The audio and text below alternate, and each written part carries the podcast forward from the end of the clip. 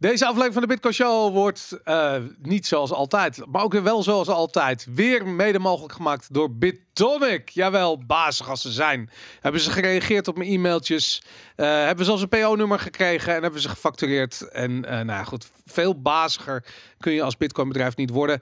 Bitonic.nl. Je kunt er Bitcoin kopen en verkopen. En ze zijn ook gewoon een soort warme schouder om op uit te huilen. Als, je, als de prijs weer naar beneden gaat. Doen ze ook. It's the Bitcoin Show with our very special hosts, Aaron, Boris, and Jan Willem. Yay! Yay, daar zijn we jongens. De 62e De Bitcoin Show is zojuist van start gegaan. Ik weet dat jullie thuis luisterend in de auto, op de fiets, terwijl je aan het hardlopen bent, er klaar voor zitten, in ieder geval virtueel klaar voor zitten. Dat jullie uh, um, je verheugen op de gezelligheid die aan het punt staat los te barsten hier. en uh, ik denk, ik, ik, ik schep alvast wat verwachtingen gewoon. Als mensen nu aan het luisteren zijn, dan denken, ik heb er al zin in. Ik, ja, heb, er, ik heb er namelijk ook goed. zin in. Ik, wil, ja, ik, ik, ik, heb, ik voel mezelf ook een beetje een luisteraar. Ik luister ook naar jullie terwijl ik deze podcast met jullie opnemen. ik heb gewoon zin in. Luister je het eigenlijk terug, de podcast? Nee, hè? Heel nou, soms. Als je veteraan bent als Boris, dan nee, ik vind, ik vind af, maar het is ook een soort psychologisch ding wat ik niet aan kan. Oh ja. Want ik ben, ik ben veel te perfectionistisch. Dat is grappig. Ik heb dat dus met de, de Bitcoin Show, dat kijk ik wel vaak terug. Maar ja. bijvoorbeeld de Shorsnado niet. En ik denk dat dat ook te maken heeft met mijn eigen Engels. En als ik daar dan naar moet gaan luisteren, dan ja. luister ik dan gewoon liever niet terug. Nou, bijvoorbeeld net als met die sponsor aankondiging, dan haper ik heel even. Dan zit ik hard op na te denken terwijl ik iets zeg. En dan kan ik niet tegen als ik dat terug luister. Het is Jezus, Boris.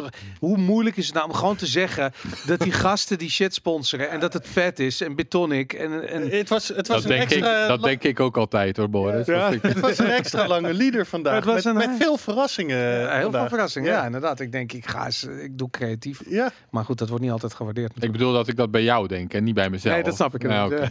ja, nee, goed. Um, ik ben zelf vlekkeloos. Altijd. Ja. Aaron zit hier vlekkeloos te zijn. Uh, Jan ook. Uh, ik ook. Een soort van. Um, even snel de huishoudelijke mededelingen. De website www.debitcoinshow.nl staat nog altijd vier op het interweb. De vlag wappert. Uh, onder andere met de boodschap t.me slash de Bitcoin Show. Waar je kunt meediscussiëren met de Nederlandse bitcoiners met gemiddeld het hoogste IQ van Nederland. Zeker. Ja. En dan is de vraag natuurlijk, van, ja, komt dat omdat we zelf er ook in zitten? En wordt daardoor dat gemiddelde heel erg omhoog. Je kunt toch denken van als Jeff Bezos een bar binnenloopt, dan is iedereen miljonair, zoiets. Ja, ja, ja. ja, ja, nou ja. Anyways, tape.me slash de Bitcoin Show. Uh, Twitter kun je ons volgen, uh, de Bitcoin Show. Uh, en helemaal, mocht je toevallig een van die kijkers zijn die op YouTube meekijkt, het is zo ontzettend belangrijk om te liken en te subscriben. Want anders ziet jouw netwerk niet dat je ons like en subscribt en dat je uh, uh, zie je niet dat er nieuwe video's zijn en eigenlijk niemand ziet iets wat we doen als jij niet like en subscribt. En dat komt door Google, het is allemaal hun schuld. Want zij hebben gezegd als jij zo'n subversieve bitcoiner bent, dan promoten wij niet. We vinden dat um, fake news. We gaan dat niet bovenaan je timeline zetten. Uh, dus nou goed, het enige wat we kunnen doen is oproepen aan jullie om te liken en te subscriben. Jongens, we hebben goed nieuws. Ik geef het woord aan Aaron. Ja, heel vet nieuws. Wacht, ja. pak het heel veel bij, anders je het niet erg vindt. Nee, zeker. Pak het erbij. Zeker. We hebben iets aan te kondigen. Ja. Uh, wij introduceren vanaf heden de Dutch Bitcoin Podcast Award. Yay! Het is, een award, uh, het, is, het is een award voor podcasts. Het is een award voor uh, Bitcoin podcasts. Vet. Nederlandse Bitcoin podcasts. Cool. Um, er is een uh, vakjury die heeft nominaties, die heeft podcast genomineerd. Het bestaat uit drie Bitcoin maximalisten. Ja, klopt. Ja. Boris van de Ven. ah ja. Nu heb je me gedokst. oh, Jan Willem Burgers, dat is nummer twee. derde vakjury die de nominaties maakt, ben ik. Ja, Willem. Yes. nou, wie dus zijn er genomineerd? Volgende week worden de prijzen bekendgemaakt. Ja. dus er zijn nominaties, daar mogen mensen op stemmen. Die kunnen ons mailen op uh, hello, hello at, at the Bitcoin, Bitcoin Show. Show. Ja, zeker. Ja. ja. Uh, er zijn drie categorieën. De eerste categorie is beste Nederlandse Bitcoin podcast. Vet, ja. Genomineerd is Tromgeroffel. De Bitcoin Show. Jongens, ik, ik moet eerlijk zeggen, niet meer dan terecht. Ja, Gewoon niet meer dan terecht. Ja. In ieder geval dat het genomineerd is, is heel terecht. Daarom, vind ik. Zeker. Vind ik ook, ja. ja. ja. Dan hebben we de categorie beste nieuwe Bitcoin podcast. Ah. Dat gaat alleen om Bitcoin podcasts die in de afgelopen twee jaar zijn begonnen. Daarvoor is genomineerd. Yeah, ik voel hem aankomen, daar komt hij. De Bitcoin Show. Yeah. Applaus, nice. applaus. Lekker jongens, lekker. Oh, goed jongens. Nice. Vet.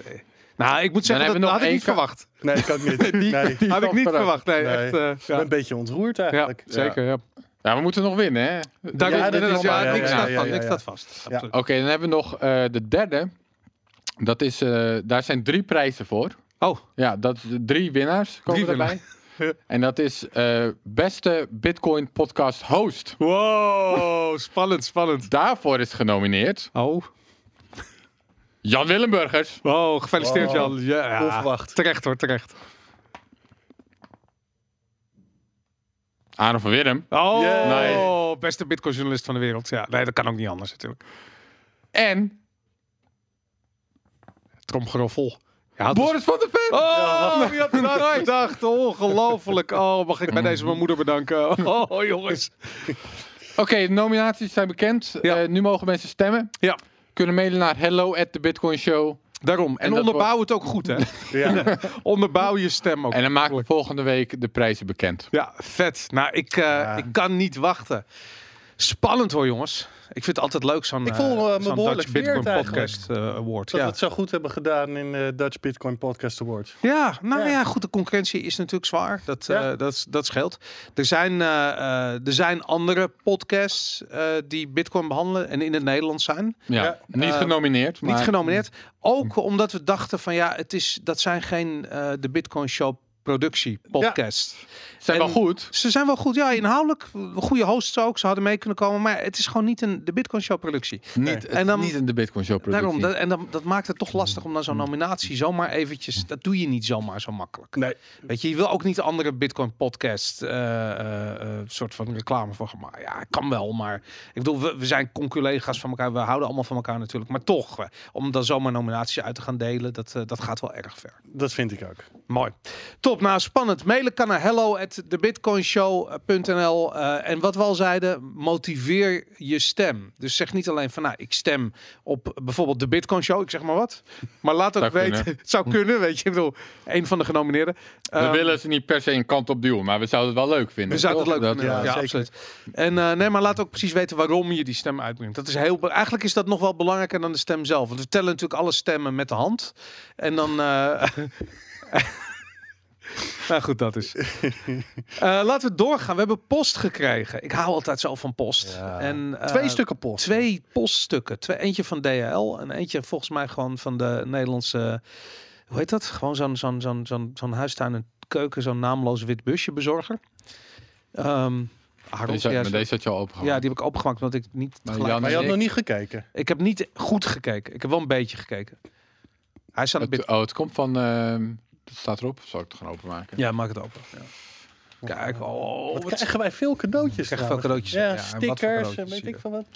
Oh, maar dit is wel vet. Kijk, een brief zit erbij. Aan Aaron, Boris en Jan Willem. Oh, dat zijn ook die drie. Dat zijn, uh, die zijn genomineerd. Drie genomineerd. Ja, ja, ja, ja, voor de Goed om daar een Bitcoin podcast te Misschien is dit wel een stem eigenlijk. Goed onderbouwd houden. ja, ik zal binnen. Yay, de Bitcoin Show. Wij zijn drie broers en al langere tijd fan van jullie show. En yeah. uiteraard Bitcoin. Een paar weken geleden zijn we gestart met het idee om Bitcoin te gaan verkopen, maar dan als fysieke variant. Het is niks meer dan een verzamelmunt, maar hierdoor wel ontzettend makkelijk om er meerdere van in bezit te hebben. Als dank voor jullie shows willen wij jullie er een aantal cadeau doen. Veel succes verder. Groetjes Alessandro, Stefano en Zeno. Bitcoinmuntstuk.nl Oké, okay, wat cool. Oké, okay, dus we hebben Collectors items. Staan er ook, begrijp ik nou goed dat, die, dat ze hier een QR-code op hebben staan en dat er een, ook een echte bitcoin op staat? Dat weet ik niet, boy. Nou, eens even kijken, want dit ziet er wel mooi uit. Het zijn mooie glimmende munten voor ja? de mensen die luisteren. Uh, ik moet je zeggen, ik weet toevallig dat er op AliExpress een grote hoeveelheid van exact deze munten te vinden zijn. Voor slechts een paar Satoshi te Ik denk, verkrijgen. ik denk niet dat ze bitcoins op zijn. Ik denk dat het gewoon eh, hebben dingetjes zijn. Ja, is mijn eh, vermoeden. Ze zijn mooi. Maar is het... eh, ehm, ik zal hem even laten zien. Er zit in een mooi eh, hoesje. Eh, ik heb ze al eerder gezien. Je hebt ze ook in shitcoin varianten. Weet ik toevallig. Ik heb er een paar bureau liggen. Ja, je hebt heel veel van dit soort munten, maar dit zal hun design zijn. Ja. Er staat wel iets grappigs op de achterkon, eh, achterkant. Achterkont. Achterkant, ja. Wat staat er op de? Achterkant. Er staat iets met hakken. Het is een beetje En- moeilijk te zien in Het het, is een beetje cyber is het. Er staat Ja, het is cyber. een, een, een, een, een mining eh, dingetje ja, met eh, wat lijkt op allerlei eh, processors en zo. ja. Kijken of Een printplaatje met ja, het is, eh, die, zijn, die zijn allemaal hetzelfde denk ik. Hey, ik hartstikke leuk, maar ehm, eh, ehm, ik wil dit. Kijk, ik vind het leuk om bijvoorbeeld, eh, ik zou graag op Kerstmis bijvoorbeeld aan mijn familie zoiets willen geven en er weet ik veel een tientje aan Bitcoin opzetten of zo, weet je wel. Daar, daar heb ik er ook een van. Ja, maar dat is een, o- maar niet een open duim, toch? Maar gewoon echt een, een Een munt. ja, Met zo'n eh, dingetje, plak dingetje, hoe heet dat? Maar niet zo'n zo'n echte gouden munt, toch? Waar, waar 5000 Bitcoin op stond of zo. Die, eh, Die. Ja, maar nee, begin had. nee van, het is een ander type. Maar Oké. er staan wel bitcoins op. Oh, vet. Ja. Ik vind het wel leuk dat eh, bitcoins of satoshis staan erop. Satoshi staan erop. Ja, in daarom geval, ja. Maar kan je er zelf iets op zetten? Want ik vind eigenlijk, Ik jongens, ga nu even opzoeken terwijl jongens. Ik vind het, eh, ik vind het een leuk concept eh, dat je munten verkoopt. Maar eh, laten we heel eerlijk wezen, deze bitcoiners delen elkaar dit al uit eh, sinds eh, 2009 volgens mij. Ik weet het niet, al jaar en dag zie ik dit voorbij komen. Ik wil graag dit, maar dan dat ik er echt wat satoshis op kan zetten en het iemand cadeau kan geven. En dat ik weet gewoon van, eigenlijk zoals een open duim werkt. Ik vind dat zo tof werken namelijk. Dus dat, ehm, maar goed, dat is natuurlijk lastig. Ja, Ehm, ook weer niet zo lastig. Dat kan wel gewoon. Hoe zou je hier... Ja, maar er zijn gewoon een, een, een QR-code erop zetten, bedoel je? Ja. Dat zou je doen. Ja, Ja, oké, dat- oké, dat ja. kan. Met een sticker of zo. Of ook misschien dat erin etsen. Weet je, ik heb dus een zilveren munt ook. Hmm. Dus naast die, wel, die ik net zei, heb ik ook een zilveren munt. En dat is ook, daar is ook bitcoin, met een bitcoin logootje en zo. Ja. Ehm, ik weet niet meer hoe dat nou heet. Maar dat was ook zo. En daar staat dus ook een QR-code op. Maar Maar een sticker, of niet? nee, nee, gewoon echt in het, Maar- gauw, in het zilver. Maar ik weet dus niet meer of dat nou heel goed werkte. Maar er staat er wel één op. Maar dat is super cool, want dat, eh, kijk, het lijkt me moeilijk. Je, je kunt dit natuurlijk goedkoop laten produceren, maar dan heb je niet, je wil steeds een unieke QR-code erop hebben. Dus wat je dan moet hebben, is dat. Ja, dat is natuurlijk, want bij die zilveren dingen, die QR-code, dat gaat naar een website. Het is Ja. niet alsof het een Bitcoin-adres is. Dus dan Oh. kan je op elke hetzelfde zetten. Ja, daarom. want eh, je Ja, verwijst gewoon naar hun website, zeg maar. Ah, op die manier, ja. dus ja, dat is niet hetzelfde. Dus inderdaad, als je een unieke QR-code, dat zal wel... Dat zou je willen hebben natuurlijk. Ja, dat je wil dat eigenlijk gewoon dat hier eh, twaalf woorden op staan geprint of iets dergelijks. Dat zou cool zijn gewoon. Ja. Of gewoon een private key, weet ik veel. Zo, iets in die trant, ja. Jongens, dat zou vet zijn. Nou goed, eh dankjewel. Dank jullie wel voor deze prachtige, glimmende, goudkleurige bitcoins. En het andere cadeau, eh, Ja, pakket. de- ja, deze, ik weet eigenlijk, ik weet al wat dit is. Ik heb, Ja. kijk, ik heb het gewoon hier naartoe laten sturen, zodat ik niet mijn adres hoefde te geven. Oh, slim, Oh, slim, ja, slim, slim, slim. Maar ik dacht, het is even goed wel leuk om een bier open te maken. Ja, in de uitzending. Het, het, het heeft een beetje formaat van een boek. Het is een beetje geforceerd cadeau wordt op deze manier. Maar Ja, die DL-verpakkingen Het die zijn niet makkelijk. het is geen, eh, het is geen boek. Het is geen boek. Oké, Dat kan ik alvast verklappen. een t-shirt. Of tenminste, als het is wat ik denk dat het is. Oh, En dat lijkt me wel. Het is ook geen treasure. Ook geen tresor. Het is wel professioneel verstuurd. Oh, daar komt het. Wat is het? Het is... Grote zilver. Steel? Yes, het is Crypto Steel. Ah. Oh ja, vet. Ja. Heb jij er een, Jan, dat je het herkent? Ik heb Crypto Steels, ja. Ik vind het wel vette Ik dingen. kreeg er een eh, cadeau, omdat ik ehm, bij die eh, virtual conference van de Magical Crypto Friends laatst eh, Ah, wat iets, iets deed, kreeg ik dit als eh, cadeautje. Hey, en eh, leuk. vertel eens hoe het. La, laat eens even zien aan de camera. Wat, wat, Maar wat dit is is een een hele grote. Eh, weet je, is dit groter dan wat jij hebt? Ja, ik heb een, gewoon van die kleintjes. Ik, eh, weet, ik- Kleintjes. Ja, ik weet, ik, ik kan me niet meer herinneren wat voor doosjes die dingen. Misschien dat het kleiner is als je het uitpakt. Maar Zal ik kijk hem- even. Ja, pak hem even. Ja, doen we, een- maken we En een dan vallen hele, al die, maak er cijfertjes en een lettertjes eruit. ma- maken er een hele unboxing event van. ja. We maken gewoon een gaan een unboxing Cryptum event. En misschien dat die doosjes gewoon zo groot zijn hoor. Dat zou kunnen. Ik kan me niet meer herinneren. Ja, want er zitten natuurlijk, je moet natuurlijk eh, al die lettertjes en cijfertjes, dan heb je er een x aantal van nodig, omdat je natuurlijk al die woorden moet je dan eh, ergens daarin fietsen voordat je het Maar het werkt, eh, het, het, werkt wel, eh, het werkt wel goed. En het is zeker, naar mijn idee, beter dan eh, opschrijven op een, eh, op een papiertje. Ze hebben ook op, dat is wel grappig op YouTube, Ja. allerlei mensen die ook. eh, Wow. Oh, het is zo eh, eentje. Het is die, eh, die hele grote joh. Oh, dit Ja, het is die ronde. Oh, dit is die Deze is, ge- deze is Ah, getest toen, kan ik me herinneren, Ja, door ja, ehm, ja, ja, Jameson. Lop. Hmm. En die heeft er echt, die heeft er volgens mij een, een mortiergranaat op afgeschoten, weet ik veel wat. En dat heeft hij overleefd. Ja, je hebt allemaal van die video's waar mensen. Maar ik heb, ik heb van die eh ouderen ook wel. eh, van die. Ja, gewoon van die vierkantjes. eh, maar Ja. dit is een nieuwere variant. En dan neem ik aan dat je dat. Je zit er, ik, zie, ik zie allemaal losse cijfertjes. Die moet je denk ik op een bepaalde volgorde in dat buisje doen of zoiets. Je hebt ook stickers erbij. Het, is, eh, ik, het zijn allemaal hele goede vragen die je stelt, Boris. En ik weet het ook niet precies. Het is wel een. eh, deze grap is honderd keer gemaakt. Maar je, het is wel perfect gevormd om mee te nemen door de douane. ja, is die grappen honderd keer, maar het zal wel, ja. Nee, je kunt hem bewaren in Nature's Pocket. Als je begrijpt wat ik bedoel. En je Prism Wallet. Ja, daarom. Pocket. Ja, nou ja, inderdaad. Dus het idee is, om de, voor zover ik weet, dus het idee is inderdaad dat je je eh, private key hiermee kunt vergrendelen in dat staal. En dan kan je het ergens opbergen. En dan eh, ook al eh, vliegt je huis in de fik, dan overleeft hij het als het Ja. goed is. Of al eh, is een aardbeving. Dan hem die dingen zijn- ergens zijn gemaakt. Dat is wel handig voor mensen om te weten. Ja, ik weet niet of, dat deze dat ook zo is. Maar die andere zijn gemaakt dat je zeg maar alleen de eerste vier eh, letters van het woord eh, hoeft te registreren. Dat werkt toch met Want al die dingen de, zo. ja, nee, want als je de eerste vier letters hebt, dan heb je een uniek eh, woord wat daarbij hoort in dat eh, Ja. protocol. Dus je hoeft alleen maar de eerste vier letters eh, te bewaren. Ik dacht eerst er drie. Eerste vier. Ja? Oké. Ja. Nice. Goed jongens, nou dat eh, ik, eh, ik wat, wat kost zo'n ding, eh Aaron? Ik ben gewoon benieuwd. Stel dat je. Mij niks. Ja, dat snap ik. Jij hebt er niks voor betaald, maar Ik wat? weet- ik zijn weet- die wel eh, zo Nee? eh, 100 euro of Ik zo, denk hoor? ook dat die duur zijn. Behoorlijk duur. Die Hoe dingen. heet dit Ja, ding? 100 Crypto. Steel, de Nature Pocket Edition. Wat is dit? Crypt, ik ga even Crypto even Steel. Capsule staat erop. Nou, ik heb hier Crypto Steel Capsule. Even kijken, wat kost dat ding? Wat kost dat ding? Eh, oh, het is gewoon cryptosteel.com. Het is ook gewoon een merk, dat wist ik niet. De capsule kost ja. 144 euro, eh Aaron. Ja, dat zijn... eh, hey, maar er staat wel twee keer een cryptosteel capsule container. Klopt dat? maar er zit er maar eentje in. Daarom. Dus dat is, je hebt blijkbaar... Die, oh, dit is de capsule duo, sorry. Oké. Jij hebt een single ding gekregen. Oh, er staat ook hoe het werkt. Het, ja, je doet letterlijk die, die lettertjes doe je om het staafje heen en dan schroef je hem dicht en that's it. Nou, nice. Ik vind het Wel wel handiger, denk ik, dan die in die oude had je dus een soort van treetje met sleufjes en dan moest je het inschuiven. Ja, Ik denk dat dit wel iets handiger... eh ik weet het lijkt niet. wel Want iets handiger. stel je voor dat wat, ik, wat mij hier niet handig aan lijkt. Iemand vindt dit, weet je, je bent onder de bus gekomen, helaas, en de, uitvaart is geweest. En ze vinden dit, ze schroeven hem open en het eerste wat ze doen is rats al die dingen over tafel. eh, zo van, hoe werkt dit? En dan is het gewoon, eh, dan is het klaar.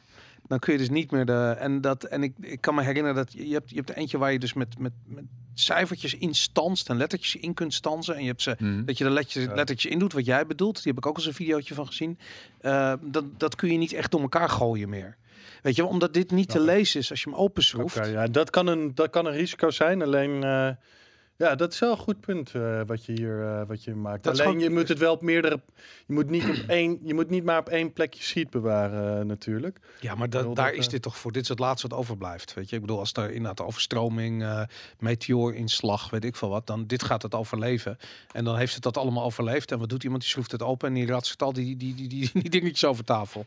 En dan zit het door elkaar. Dan kun je het nooit meer eh, achterhalen. Nou, maar zelfs dan zou je misschien nog wel, omdat je natuurlijk wel eh, in ieder geval de letters eh, weet van de woorden, zou je het misschien nog wel terug kunnen halen. Maar ik snap je punt, ja. Dat ik- zou wel interessante puzzels zijn trouwens, hoe ingewikkeld die zou zijn. Want het is eigenlijk, je krijgt een soort van transpositie van die letters. Ja. Ik weet dan even niet hoe ingewikkeld het zou zijn om. eh, te- ik denk niet eens dat dat zo heel ingewikkeld, maar dat zou ik even rekenen. Nou ja, je- Gaat het om de private key of om de seed? Het Om was de een seed. seed phrase. Dat ja. is denk Maar ik als niet zo dat- ingewikkeld. Als dat uit volgorde gaat, de seed? Ja. denk niet dat je het Dat kan je niet terugvinden normaal gesproken hoor. Ik weet niet of dit misschien anders werkt of zo, maar normaal gesproken Nee, kan nee, je dat niet. Al weet je alle woorden letters van de van, seed, dan eh, kan je er nog steeds niks mee. Dat ook natuurlijk, want je weet niet in welke volgorde die woorden Dus zitten. als je niet de volgorde weet, kan je er helemaal niks mee, voor zover ik weet. Ja, oké, je hebt misschien gelijk. Maar, het- maar dan is het eh twee tot... eh, nou goed, laat maar. Ik, eh, moet ik even over... Dit Dus is je moet er 12 een briefje bij doen waarop zegt van luister, als je dit vindt, niet te openschroeven en al die dingen over Ja, tafel dat laten moet te doen zijn, want de rekensom is, als ik even, even heel snel, maar dat kun je beter niet doen. eh in, kan ik beter niet doen in de show. Maar volgens mij is de rekensom 12 keer, 11 keer, 10 keer, whatever. Ja. En dat zijn niet zoveel opties. Dat, Dat zijn heel veel opties. We hebben laatst hebben we een ja, voorbeeld ik gehad van iemand die de laatste vier maar- woorden had gebrute forced. En die was daar, eh, weet je, Ja, werd- maar die heeft alle Ja, maar dat woorden zijn wel alle woorden. Het is wel anders dan wat Jan zegt. Maar, Ja. volgens, maar volgens mij kan het nog steeds hoor, Jan. Want dit is hoe bijvoorbeeld die backups werken van Trezor. Want ik vertel Ja. laatst dat had ik dus een keer moeten doen. En dan moet je dus inderdaad die woorden invoeren. Ja. Op een manier dat het niet helemaal veilig is. Maar dat, je alleen, dat het alleen nog om de volgorde gaat. ja. Dus dan daar maak ik uit op dat zij er hopelijk wel over hebben nagedacht. Dat het dan alsnog veilig is. Ook al weet iemand wel de woorden, maar niet de volgorde. Hmm, ja. Oké, ik kom op ongeveer eh 500 miljoen opties. Als ik dat even snel op mijn rekenmachine doe. Wat in principe Dat valt wel mee dan. niet zo... Ik ga het nog Nou, één keer maar, proberen. Mijn want- gaming PC doet dat in de middag. Ja, minder nog waarschijnlijk. zou ik Ja. zeggen. Hm. keer 2 keer 1. Nee, ja, nee, dit, eh de 500 miljoen Oh, opties. nou, dat en dat is klinkt, niet eh, zo heel Maar veel. dat zijn 12 woorden. Dat zijn 12 woorden. Maar dus het zijn er met als je de Treasure vier, denk ik 24, ja. Dus dan wordt het weer een ander verhaal. Eh, ja, dus dan eh, wordt het wel een stuk eh, ingewikkelder. Maar goed, oké, het is een interessant vraagstuk. Ik, ik durf Nee, maar niet een stuk ingewikkelder. Ik denk dat het dan dus totaal implausible wordt. Eh, Maar dan moet je 24 keer 23 keer 22 keer 21. Dan wordt het wel echt een heel Dan groot. wordt het wel lastig. uit mijn hoofd, eh, oké, ik, ik durf- ik durf niet, eh, durf niet. eh, er is vast wel een luisteraar Nee, dat, die dat dat durf ik wel te zeggen. Want dan komen er sowieso 12 nullen bij, op zijn minst, bij 500 miljoen. Ja. Dat worden wel hele grote. Eh, En, en ja, nog een ja, stuk dan- meer. Maar dan heb je het nog steeds maar over. Ja, maar heb je nog steeds niet over ontzettend hoge getallen natuurlijk. Goed, laten we het doorgaan met een eh, luisteraarsvraag. Er staat ook nog een website bij. Misschien eh, wil je dat kijken wat dat is. Ja, nee, nee, nee, nee. Paule.com. Oh. Die zat hierbij. Ik weet niet wat het is. Paula.com? P-A-U-L-U-H.com. Paula. Geen idee wat het is. Het is We zullen er voor volgende week nog even over emblems. nadenken. Ik zie een guy in een pak die een sigaret rookt en er netjes uitziet. Het is een, eh, een soort eh doe duur ding. Hm. Het is waarschijnlijk de Paula Edition die je hebt, zodat hij extra stuifel in Nature's Pocket past. Is dat het? Ik denk het wel. Hey, we zullen nog even over die rekensom nadenken, want dat is misschien wel interessant. Maar ik, eh, mijn intuïtie zegt dat dat eh, zeker niet secure genoeg is om niet eh, te brute forcen. Daarom. En Maar je moet ervan uitgaan, dit wordt pas over 50 jaar wordt dat ding gevonden natuurlijk. Zodat het ook echt de moeite waard is om tijd en geld te steken in het brute forcen van al die lettertjes die daar Ja. op tafel liggen. Goed, anyway, luisteraarsvragen hebben we gekregen. Eh, een vraag aan Aaron en Jan Willem.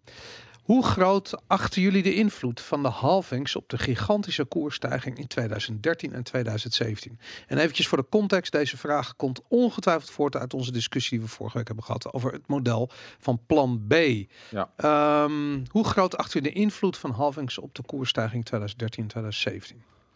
Ja, ik ben daar gewoon op Twitter ook op ingegaan trouwens hoor. Want Ja. daar vroeg je het. Oké. Uh, Maar- Pas op Twitter, ja. ja. ja, ja. Ehm, Oké, dus om die vraag even concreet te beantwoorden, ja, dan zou ik zeggen dus niet groot. Ik denk klein, if any. Misschien dat het in 2013 nog iets meer speelde, omdat het dan liquiditeit eh, misschien nog niet zo volwassen was. En dat zou kunnen, Mhm. weet ik even niet. Misschien dat het een factor is geweest toen dat, dat zeker in 2013 kan ik me daar iets bij voorstellen. Maar ehm, ja, ik, hoe, ik, heb in de, ik ben de afgelopen week ook een beetje in die eh, in de, in de stock-to-flow rabbit hole gegaan. Ja. En, Oh ja? en ik ben er steeds minder van overtuigd aan het raken dat het ergens op slaat. En niet alleen dat, het is ook interessant dat het in strijd is, volgens mij, niet volgens mij, in strijd is met vrij fundamentele principes van Austrian economics bijvoorbeeld. Oké. Wat ik ook, daar heb ik het ook over gehad met 17, ook op Twitter, maar daarna zijn we ook nog even voor, verder gaan in DM. En dat beaamt hij ook. Hij noemt dat dan een challenge voor Austrian economics. Mhm.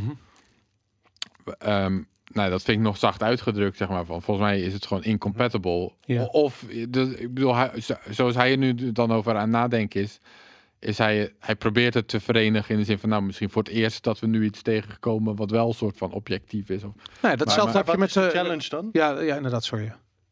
Ehm, dat, eh, dat mensen subjectieve wezens zijn die handelen op een ja, min of meer onvoorspelbare wijze. Dat je geen modellen kan maken van hoe mensen precies gaan reageren op bepaalde dingen. Eh, maar ik zou er zelf bijvoorbeeld ook nog aan willen toevoegen. Bijvoorbeeld een van de redenen dat we zeggen, of dat Asians zeggen dat deflatie geen probleem is. Het argument tegen Bitcoin bijvoorbeeld is dus deflatie. Dus als jouw geld morgen meer waard wordt, dan gaat iedereen erop zitten. Mhm. En wat een Rothbard daar bijvoorbeeld over zegt, en Mm. andere Asians, is... Nee, als je echt zeker weet dat... Als iedereen soort van echt zeker weet dat je geld morgen waard is... Mhm. dan wordt dat dus vandaag al ingeprijsd en is je geld vandaag al meer waard. Ja. Het enige verschil dat er uiteindelijk nog bestaat tussen waarom je geld misschien morgen meer waard is, dat zit hem in time preference. Daar, daar komt het vandaan dat er een verschil, dat, dat, dat er een verschil in waarde kan zijn over tijd. Maar er kan toch Maar meer aan de hand zijn dan één absoluut argument. Dus eh, wat, want wat Plant B hier zelf over zegt, is namelijk dat eh, er zoveel technologische onzekerheid bij die halvings komt kijken. Weet je, gaan de miners afhaken? eh, weet je, en ja, dat, dat, dat kan. Nee, of moet ik je laten uitpraten? nee, nee, dat was, dat was een punt. Kijk, wat ik dat, oké, dat ben ik op zich met jou eens of met plan B eens dan. Mm. Dus je kunt geen dingen inprijzen die onzeker zijn. Ja. Een van de onzekere factoren is bestaat Bitcoin überhaupt nog? En dat is bijvoorbeeld ook wat Hal Finney schreef. Hè? Van dus Ja. elke dag dat Bitcoin blijft bestaan, is weer informatie naar de markt dat het ook s- zal Mhm. blijven bestaan. Dat heeft Nassim Taleb benoemd als het uh, De Lindy effect. Lindy effect. Dus dat soort onzekerheid kun je niet inprijzen. Dus inderdaad is het te verwachten dat er een trend omhoog is van de prijs zolang Bitcoin blijft bestaan. Ja. En die onzekerheid kan zich ook in andere dingen vertalen. Dus dit is een soort van heel straightforward die ik net van als Bitcoin blijft bestaan. Maar dan kun je dus ook nog grotere dingen zeggen van wordt Bitcoin verboden of niet? Nee, oké. Nou dan is, kan dat voor een onwijze prijsboost zorgen. Ja. Kan Bitcoin worden aangevallen door middel van forks en dat soort dingen? Nee, oké. Als we daarachter zijn gekomen, kan dat voor een wijze prijsboost zorgen. Dat is meteen dus ook mijn antwoord op de vraag, de luisteraarsvraag. Want ik denk dat je daar heel goed aan kunt zien van waarom er misschien zo'n prijsboost is ontstaan. In 2017 hadden we net de fork wars overleefd. In 2013 was er net clarif- clarification gekomen vanuit de SEC Mhm. dat Bitcoin niet verboden was. Ja, Dat vind ik heel goede redenen waarom er toen een price surge zou zijn geweest. Ja. Nu ben ik vergeten op welke vraag ik eigenlijk antwoord aan. Oh ja, dus, eh, de, dus risico's kun je inderdaad niet inprijzen. Dat, die, dat kan pas zodra de risico's zijn overleefd, kun je dat pas gaan, eh, kan de prijs daar pas op gaan reageren. Mhm. En het klopt wel dat er bij de halvings ook risico's zitten in de trend van minor capitulatie en dat soort dingen wellicht. Ja. En eh, dat kan. Maar dat vind ik dan dus nog steeds iets anders dan het stock-to-flow zelf. Dus de stock-to-flow is wel voorspelbaar. Andere dingen zijn niet voorspelbaar. En dat de prijs daarop reageert, daar ben ik het helemaal mee eens. ja. Dus toen, dus toen Plan B dat artikel publiceerde over waarom de efficient market hypothe- God, Dames. Ja, ja, de ja. hypothalamus Ja. niet, ehm, niet opging of wel opging. Of, eh, dat al die, art- al die argumenten in dat artikel was ik het volgens mij wel mee eens. Alleen ik vond de vraag niet beantwoorden waarom stock to flow. Want dat is wel helemaal voorspelbaar. Dat is niet op zichzelf een risico. Ja. Van wat zal de stock to flow op een bepaald moment in de toekomst zijn? Er, er is, de, om je even in de reden te vallen, er is een eh, op een gegeven moment artikel door eh, Nick. eh, Carter? Nee, nee, niet Nick Carter. Die, die, eh, er is een eh, Australische ehm, eh, eh, econometrist die veel gereageerd heeft op het werk van Plan B. Hij heet Foutstra op, op Twitter, maar hij heeft zijn naam veranderd. Maar. Anyway, die, ehm, eh, die, zei, die heeft eigenlijk een soort timeline gemaakt van hoe deze hele discussie heeft plaatsgevonden. En het grappige is, kijk, al die ja. dingen die jij zegt, die heeft plan B ook eh, eh, eh, bedacht, of in ieder geval daarop gereageerd, of in ieder geval is daarover gesproken. En een van de dingen die uiteindelijk voortkwam uit die discussie was die theorie van Nick Carter, inderdaad, onder andere, dat Bitcoin eh, steeds een transitie doormaakt naar een volgende fase. En ehm, die halvings zijn natuurlijk, als je kijkt naar de, de, de, hoe noem je dat, de, de monetaire eigenschappen van Bitcoin, zijn die halvings zijn, zijn vrij traumatische gebeurtenissen. En ehm, wat daarmee samenhangt, is inderdaad die onzekerheid van gaan we die nieuwe fase, gaan we die in en blijft Bitcoin dan nog zo secure en haken die miners niet af en weet ik veel. Allemaal dat soort fundamentele levensvragen over Bitcoin steken de kop op op het moment dat er weer zo'n halving aankomt. Mhm. En zodra die halving succesvol is afgerond, krijg je dus ook een fase van eh, opluchting en van eh, eh, positiviteit naar de toekomst. En die zou bijvoorbeeld ook best wel eens kunnen zorgen voor een nieuwe, voor een nieuwe bullrun. Of we dat in het verleden gedaan hebben. En misschien niet zozeer het, eh, de supply shock, maar meer een eh, demand shock. Eh, weet je, er komt veel meer vraag omdat er optimisme staat. En daarop gebouwd een combinatie van beide. Je hebt namelijk aan de ene kant het optimisme van de nieuwe fase. En aan de andere kant de supply shock die zorgt voor een kleiner aanbod. En als dat samenkomt, krijg je dus die rare prijssprongen. Ja, dat geloof ik dus niet. Ik geloof wel de, de, de eerste kant van het verhaal, daar kan ik in meegaan. Mhm. Maar dat, daar zou ik dan wel aan toe willen- willen voegen, voor de duidelijkheid. Dat zei je denk ik ook, dat dat wel onvoorspelbaar is. Dus dat Ja. kan je niet modelleren. Dat is van als Ja. mensen dat gaan accepteren en als mensen bitcoin gaan zien als Ja. een uncorrelated asset, dan Ja. kun je een hogere prijs verwachten. En dan, dan, dan. Maar dan nog denk ik dat die, de andere kant van de equation zit hem niet in de stock-to-flow, maar zit hem in dat bitcoin een gelimiteerde hoeveelheid heeft. Dus de 21 miljoen. Dus dat is voor mij het belangrijke getal. Ja, eens. En, en niet de stock-to-flow ratio op een bepaald moment eh, eh, in de geschiedenis of in de toekomst. Daar, daar ga ik niet in mee. Weet je wat ik heel interessant vind? Als je kijkt naar de Over prijsontwikkeling... wil ik daar heel, heel veel aan toevoegen. Dus Ja. voor de duidelijkheid, ik wil het duidelijk maken. Want het lijkt nu soms zo te zijn dat als je, als je bullish wil zijn, dan moet je een soort van de stock-to-flow model accepteren. Als je, wil, als je wil geloven of wil aannemen dat bitcoin naar 100.000 kan of naar een miljoen, dan moet het via het stock-to-flow model. Ja. Maar dat wil ik weer leggen. Dat geloof ik. Ik denk namelijk, ook al verwerp ik het stock-to-flow model, Mhm. ik ben er niet van overtuigd. Ik geloof niet dat dat zo kan werken Mhm. denk ik nog steeds wel. Daar hoef je helemaal geen rekenwonder voor te zijn.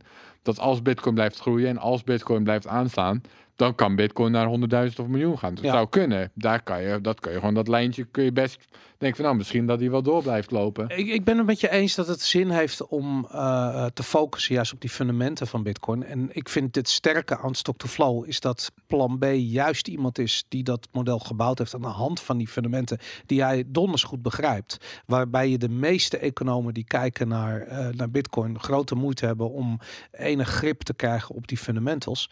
Ehm, maar wat bijvoorbeeld interessant is, is dat eh, eh, ik ben het helemaal met jou eens, Aaron, dat bijvoorbeeld zo'n nieuwe fase eh, van optimisme niet samen hoeft te vallen met een halving. En dat zag je bijvoorbeeld heel erg in het begin van Bitcoin. Als je kijkt naar de eerste twee jaar, toen Bitcoin van letterlijk nul naar bijvoorbeeld 1 dollar ging, Ja. dat daar hingen, wat natuurlijk En gigantische daarna naar prijs- 30. Ja, dat zijn- voor de eerste halving. Daarom, dat Ja. zijn prijssprongen die niet te vergelijken zijn met wat er in 2017 is gebeurd. Ik bedoel, of tenminste, Nou, veel, eigenlijk niet veel zeggen. groter Ja, dan in of zou ik 2017. zeggen, dat is wat ik probeer te zeggen.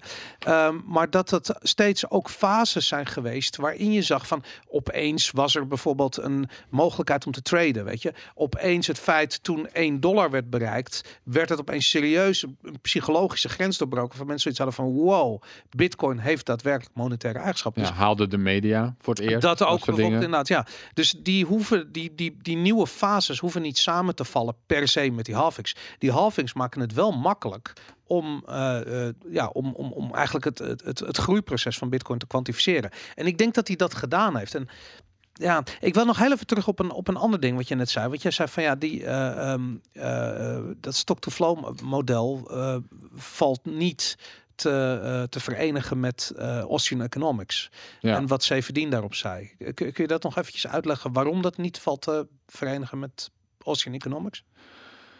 Omdat mensen subjectieve wezens zijn die en prijzen worden gevormd door de aggregation van al die subjectieve Ja, meningen. Dus de Bitcoin-prijs, we zijn met 7 miljard mensen of zo, met hoeveel Ja. zijn we? Zoiets toch? Die wordt gevormd door de human action. Hè? Dus Mhm. zo heet dat boek volgens mij van Mises. En, Ja. en eh, Rothbard later, volgens mij, eh, had, ze had ook zoiets in de titel. Eh, oh nee, Man and State was dat. Mhm. Human action was echt van Mises. Dus er zijn 7 miljard mensen. En de prijs van Bitcoin wordt bepaald door wat die 7 miljard mensen doen. ja, Namelijk, die bepalen allemaal of ze bitcoin kopen of verkopen of niet kopen ja. of vasthouden. Of, en al, de, de aggregate van wat al die subjectieve mensen doen, Mhm. dat bepaalt de prijs van bitcoin. ja. En het is een vrij fundamenteel... Val je dingen? het is een vrij fundamenteel, of ik zou zeggen een heel erg fundamenteel Uh-huh. ehm, ding van Asian Economics.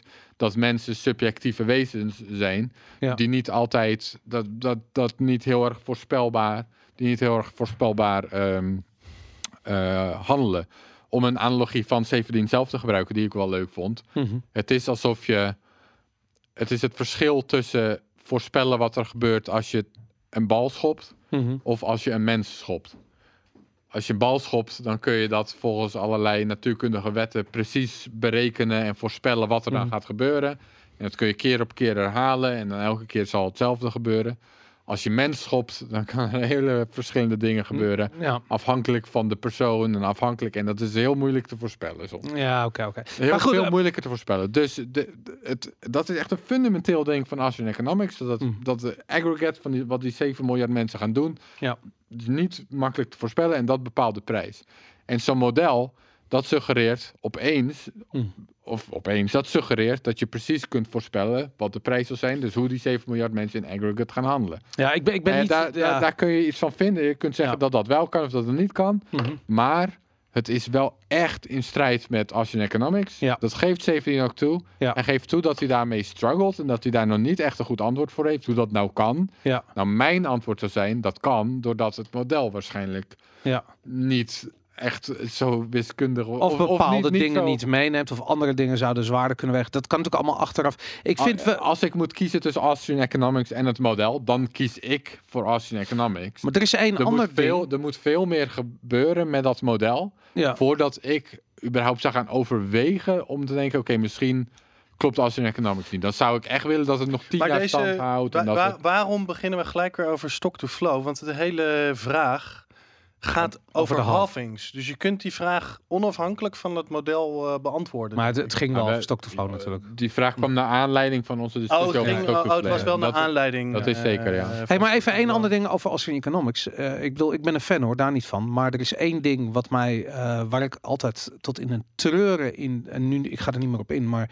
Twitter-discussie in terechtkom. Dat is die eh, re- regressietheorie. En het idee dat eh, eh, geld begint met een, eh, een, een, een eh, een, een, hoe noem je het, een grondstof of iets. Wat- regression theorem. Eh, ja, wat, wat ook een eh, bepaalde eh, eh, eh, hoe noem je het, ge- gebruik met zich mee moet brengen of iets dergelijks. Weet je, je moet het ergens voor nodig hebben. En dat eh, en Bitcoin lijkt aan te tonen dat dat helemaal niet eh, hoeft. En dat sterker nog, dat hoe minder eh, je dat, het geld kunt gebruiken voor iets anders dan gewoon geld, des te harder het geld is. Nou ja, dus even voor de duidelijkheid. De regression theorem is, eh, of Austrian Economics, dat is, dat is eigenlijk een andere manier van benaderen van economie. En dat gaat dus inderdaad heel erg uit van de subjectieve individu. Ja. eh, die, die handelt en die naar eigen inzicht handelt. En ehm, de eh, geld lijkt eigenlijk soort van in strijd te zijn met dat idee.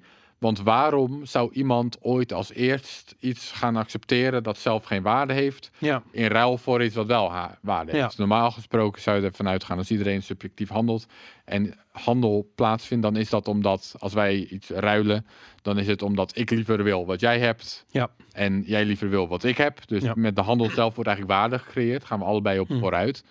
Dat, dat is een Asian concept dat ook weer anders is dan we- concepten die daarvoor kwamen. Waar, het meer, waar, waar de aanname meer was dat de waarde gelijkwaardig is. Dus dat we ruilen omdat ja, dat wat we ruilen hetzelfde waard moet zijn. Mhm. Van Asjun die zegt dus nee, wat we ruilen is dus voor ons allebei iets anders waard. En daarom ruilen we. Sterker nog, het is iets meer waard dan... Voor de ander, ja, Daarom, daarom ja. ruilen we. Dus de ruil Ja. zelf creëert waarde. Dat is een interessant concept waar ik het mee eens ben. Ook. Ik denk dat dat klopt. Ehm, en de regression theorem, of de, de geld lijkt daarmee in strijd te zijn. Want waarom ruil je iets wat enige waarde heeft voor iets wat eigenlijk geen waarde heeft, geld? En de regression theorem is dus inderdaad als, ehm, als, als antwoord daarop gekomen. Ehm, wie is er nou mee gekomen? Mises als Mises, ook? ja, ja. Mises. Oké, dus dat is als antwoord daarop gekomen inderdaad. Dus, die, dus dat is dan het idee van, nou, dat het begint met gewoon handel en uiteindelijk blijken sommige goederen meer saleable te zijn. Ja. Dus dat je op een gegeven moment dingen gaat handelen die je eigenlijk zelf niet wil, Mhm. waarvan, waarvan je wel weet, oké, maar dat kan ik weer heel erg makkelijk verhandelen met iemand Ja. anders. Dat Ja. is de commodity theory of money. De Ja. infinite regression theorem is een argument waarom dat waar moet zijn. Toch? Of Ja, heb ik zo- je... ja, oh, zo zo bedoelde je het ook. Oké, ja, ik zo dacht zou je het kunnen zeggen, inderdaad. Dus de, nou ja, de regression theorem komt er dan op neer dat op een gegeven moment de most saleable good, dat wordt dan als geld gezien. En daardoor krijgt het een soort van money premium. Ja. Eh, en en omdat de reden dus dat je iets accepteert als geld, is omdat je weet wat, dat, wat Ja. het gisteren waard was. Ja. En da- da- dan krijg je dus een turtles all the way down-achtig Mhm. argument. Van ja, maar wat, weer- hoe, waarom Ja. accepteren ze dan gisteren? Nou, dat is dus uiteindelijk omdat het is begonnen als commodity money. Ja. Dat is de regression theory. En Bitcoin lijkt daarmee te breken, inderdaad. Nou, dat, dat klopt. Maar het breekt niet per se met het concept als in economics. Het is een, Nee, nee, nee, maar met, dat- met dat idee van subjectieve... Behalve dat dat geeft een- er gewoon een ander antwoord op. Van nou, zo kan het blijkbaar ook. Ja, maar het, het, het interessante, uh, omdat eh, bijvoorbeeld oldschool libertariërs, wat vaak goldbugs zijn, of eh, liefhebbers van de Oostenrijkse economische school, wat ook altijd goldbugs zijn, die hebben grote moeite om bitcoin te begrijpen, omdat vanwege die eh, regression theorem. En dat, dat, ik snap waarom dat is, weet je. Ik begrijp het probleem wat er optreedt. En ik heb het idee dat het antwoord op dat probleem zit hem veel meer in dat netwerkeffect. Wat je ziet optreden op social media, wat je ziet optreden in, het, in, het, in de adoptiecurve van mobiele telefoons, weet ik veel, dat soort shit.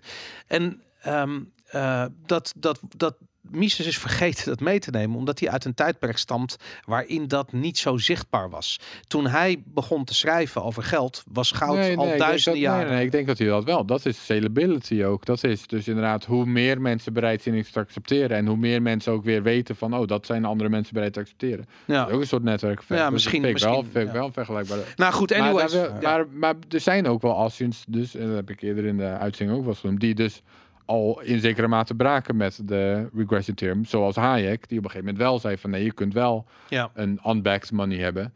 En de context waarin hij dat plaatste was wel dat er een soort van overgangsfase is. Dus hij verwierp niet het concept regression theorem zelf. Mhm. Maar hij zei wel van ja, maar als we nu een geld introduceren, dan hoeft het niet per se weer helemaal via de regression theorem te Mm. gaan. Ja. Dan kun je dus introduceren op een manier dat het eerst inwisselbaar is voor het geld dat we inmiddels hebben. Dus eigenlijk dat het de regression theorem voortzet. Dat is waarom beginners. En zo zou je ook over- Bitcoin een beetje kunnen zien wel. En daarom, noemen, daarom is deze munt letterlijke munt en goudkleurig. Omdat dat de manier is waarop mensen bitcoin als eerste kunnen begrijpen. Van, oh, het is digitaal goud.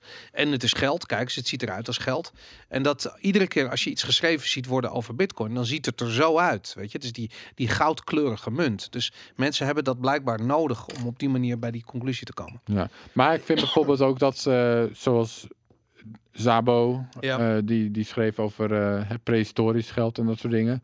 Dat vind ik al wel weer een beetje afwijken van de regression theorem. Ja, En ik vind eigenlijk ook dat Bitcoin meer in lijn daarmee ligt uiteindelijk, toch? ja. Dat, dat, want dan, dan kijk je dus inderdaad naar, oké, maar wat is gewoon goed als geld? Wat Ja. werkt, wat zijn eigenschappen die geld? ja. En ja, dus ik, ik ben ook wel meer in de neiging om regression theorem te verwerpen in favor of Ja. dat mensen, net als taal. Ik bedoel, Nou, ik taal, denk dat je taal is empirisch kunt aantonen dat het niet helemaal klopt. Nee, precies. Dat, Nou, dat bitcoin is- is dat letterlijk nu aan het doen. Dus dat is het Ja, mooie. maar Ja, je, ik Bitcoin is denk dat dat je aan al het doen en eerder voorbeelden kunt aantonen David- waar het niet, eh, niet klopt. David ik- Graeber heeft daar een boek over Ik wil ook nog wel even reageren op de, op de vraag. Ja. Ehm, want eh, ik ben wel veel eens met wat jullie zeiden, maar niet, eh, maar niet alles. Eh, dus hè, de vraag kan onafhankelijk gezien worden van het hele stock-to-flow model. En de halvings, eh, één, je noemde er al één, er zijn risico's. Van tevoren worden scenario's geschetst waar kansen aan worden gegeven. En op een gegeven moment zie je dat een bepaald scenario uitkomt. Dus dat is, dat is één. Dat wordt misschien wel gewogen in de prijs Mhm. meegenomen, maar er komt dan een bepaald. Dat is één. Maar één ding wat je niet noemde, wat ik ook wel toch wel enigszins overtuigend was, is eh, bepaalde dynamiek op de, op de miningmarkt. dat hebben we toen ook eh, uitvoerig besproken. Dat Mhm. stuk van eh, Matt de Sousa, die eh, heel onfortuinlijk recentelijk is overleden. Ehm Joh. wist je dat niet? Nee? Ja, die is, die is een, een tijdje geleden overleden. Maar goed, die eh, heeft er toen een interessant eh, stuk over, over geschreven. Over die dynamiek op die, op die miningmarkt. Ja. Eh, wat vanuit eh, dat perspectief, eh, vanuit hun eigen perspectief, misschien wel rationeel is, maar niet, niet helemaal rationeel in de zin van, eh, ja, als je het, het eh, vanuit een marktperspectief zou kijken. Dan komt er ook nog eens bij dat ik niet denk dat markten volledig efficiënt en rationeel zijn. Ehm, dus dat soort. Dat, dat, dat, dat hoeft ook niet, hè? Nee, oké, maar dat is dan ook een reden die, die, die denk ik mail speelt waarom die halvings toch wel belangrijk zijn. Ik denk wel dat je kunt zeggen dat ze waarschijnlijk minder belangrijk zijn in het verleden. Omdat in het verleden, denk ik zeker in 2013, had je misschien nog wel een soort van effect dat veel mensen er inderdaad het niet echt wisten en dat de media-aandacht en zo daarvoor misschien wel een rol heeft gespeeld. Ik denk dat wat Aaron zei, dat in 2017 dat inderdaad eh, het hele, hoe heet het, ehm, sorry, Segwit eh, vooral een hele belangrijke rol eh, heeft Ja. gespeeld. Mijn eigen voorspelling was, en jullie herinner, zijn het alweer vergeten, maar ik niet. ehm, dat eh, ik zelf dacht dat, eh, dat er toch nog wel behoorlijk, ook al is het niet per se dat mensen het niet weten, maar die kansscenario's die gewogen worden, het feit dat er een bepaalde dynamiek is in de miningmarkt, eh, eh, bepaalde andere effecten waarom die markt niet helemaal rationeel is, dat die toch wel redelijk wat invloed zouden hebben op, eh, op de Bitcoin-prijs na een aantal maanden. Dat is naar mijn idee niet helemaal gebeurd. Mhm. Dus wellicht toont dat aan dat, ja, dat, dat de Bitcoin-markt toch wel redelijk efficiënt daarmee maar, omgaat. de, maar de, de halving Met het, net geweest. Ja, oké, Dat- maar mijn voorspelling was als dat soort inefficiënties een rol zouden spelen, zou ik gokken dat dat na een paar maanden zich wel eh, in had eh, geprijsd. En dat heeft het dus niet gedaan. Nou, daar kunnen ook weer andere redenen voor zijn. Hè? Bitmax, waar we het zo gaan over hebben. de, ander slecht nieuws, ik weet het niet. Het kan. Maar het is een indicatie dat wat Aaron zegt. Want Aaron was, denk ik, over het algemeen de afgelopen maanden optimistischer over de efficiëntie van de Bitcoin-markt dan ik. Dat inderdaad de Bitcoin-markt wat efficiënter eh, is dan, eh, dan ik had eh, vermoed. Dus dat is één. En de tweede is, ja, dit staat, deze vraag staat voor mij los van het stock-to, stock-to-flow eh, model. Eh, want je kunt volgens mij erkennen dat halvings een impact kunnen hebben door al deze factoren die ik net heb genoemd. Wat eigenlijk niet per se met stock-to-flow eh, te maken heeft. Maar eigenlijk hele andere dingen eh omtrent eh, die, die halving. Hoewel, dat mining is misschien wel gerelateerd. Maar ja, weet je, voor mij is gewoon de, de stock-to-flow model is gewoon een te simpel theoretisch mo- model eigenlijk. Maar dat voor het hele- modellen zijn. Dat zijn versimpelde. Nee, maar dat is onzin. Dat is echt onzin. Nee, een, model, nou onzin? een, een model is een versimpeling van de werkelijkheid, maar je kunt wel een discussie over opzetten of het te veel een versimpeling van de werkelijkheid is of niet. Een model is altijd, dat is de definitie van een model. Dat Mhm. Maar sommige versimpelingen van de werkelijkheid zijn beter dan andere. En dat kun je ook op theoretisch eh, vlak eh, bespreken. En ik- ja, ik weet je, ik vind dit gewoon. Ja, weet je, zwaartekracht is ook een approximatie van dingen die op eh, kwantummechanisch niveau gebeuren. Maar het is een goede approximatie wat er. Maar, maar, la- Maar luister, dit is ik- geen goede. Dit is geen goede. Weet je, met, met alle liefde heb ik zoiets van, we gaan nog serieus... Nee, we gaan ja, niet meer over stok. we gaan een jaar lang over stokval elke week. Ja, leuk dat toch? maakt me niet uit. Maar, eh, maar waar het om gaat, Maar- je kunt het pas, je kunt het pas achteraf kun je beoordelen of Nee, het wel dat of is niet. niet Nee, waar. dat zijn we nee, dat met is jou onzin. Ja, dat is niet waar. Je kunt Oké, theoretisch maar vanaf. Laten we dat dan, want we zijn nu 48 minuten bezig en we gaan weer een hele Stock to Flow aflevering doen. Nee, dat gaan we niet doen. Ik, ik heb zoiets van, laten we de eerstvolgende gelegenheid dat er, dat er een sprong in de prijs of een dip in, whatever, een, een uitspraak van plan B, misschien is hier nog wat te gast, whatever, weet je. Ik bedoel, laten we dat aan, eh, eh, aangrijpen om weer eh, eh, eh, die discussie over dat model te gaan voeren. Ehm, eh, ja, ik, ik ben gewoon bang dat we in herhaling gaan vallen. Nee, gaan we ook niet doen. Maar Ja. de halvings, eh, ja, lijken dus, laat ik het zo zeggen in ieder geval, minder effecten hebben dan ik zou hebben gedacht een aantal maanden geleden. Maar misschien komt het nog. Oké, duidelijk. Goed. Eh, laten we doorgaan met onze eerste topic. Eh jawel. Ja, we, ik vind het ook wel leuk dat, ehm, eh, dat, dat, dat de, de, het format van de Bitcoin Show een beetje aan het veranderen is. Dat we eerst gewoon lekker gewoon drie kwartier gaan ouwe hoeren. En daarna gaan we gewoon het nieuws doornemen. Ja, dus dat, voor de mensen thuis die dat niet realiseren, het, het is een, we hebben eigenlijk nieuwstopics, maar de laatste paar weken zitten wij gewoon drie kwartier te praten voordat, voordat die nieuwstopics zijn. Ja, maar ik, goed, we zijn wel wat dat betreft wel genomineerd voor. eh, eh, de Dat laat nou zien dat, laat zien dat mensen hem waarderen. Ja, dat daarom. laat wel zien. Het is niet voor niks zoiets. Het is ook een soort gelijk krijgen. Professionele vakjury heeft toch al gezegd dat dat. eh, Daarom, absoluut. is. Ja, zeker. Dus dat, nou, ik hoop dat we hem winnen, jongens. Het vakblad voor economen heeft een, eh, een artikel gepubliceerd. ehm, en dat eh, artikel dacht ik voor me te hebben. En dat is niet zo. Eh, Nederland verloor tijdens de vorige crisis de koppositie van de inkomensmobiliteit. Nou, dan denk je van dat is, als je dat hoort, heb je zoiets van dat is een artikel wat ik wil lezen, jongens. Wat, Dat, be- wat bedoelen ze met de vorige crisis? eh, 2008, eh, de grote crisis 2008. En het grappige is, die website heeft een, eh, eh, hoe heet het, een, eh, een eh, hoe heet- zo'n ding? Een, eh, een paywall en soms wel en soms niet. Maar, ehm, maar goed, oké. Ehm, ik ga, wat kut, ik, ik had het erbij willen hebben en nu kom ik niet voorbij de paywall voor die stomme, stomme site. Even kijken, ja. Ja, jij zei het al tegen me in de chat, hij heeft een paywall. En ik, had er, ik klikte er gewoon langs, ik weet het Ja. niet. Maar goed, anyways, ehm, dat artikel... Oh, wacht, weet je wat ik kan doen? Ik dacht namelijk dat ik het... Even kijken. Ik ga het gewoon even proberen of ik dat heb. Nee, dat heb ik niet, helaas. Ehm, even kijken, waar zijn we gebleven? Ja, eh, de inkomensmobiliteit. Waar het om gaat is dat eh, Nederland een van de landen was waar eh, de, de generatie van kinderen het beter doet dan de generatie van hun ouders. En daarin presteerde Nederland over het algemeen beter dan de omringende, omringende landen van Nederland. Ehm, en dat is, die, die koppositie is verloren.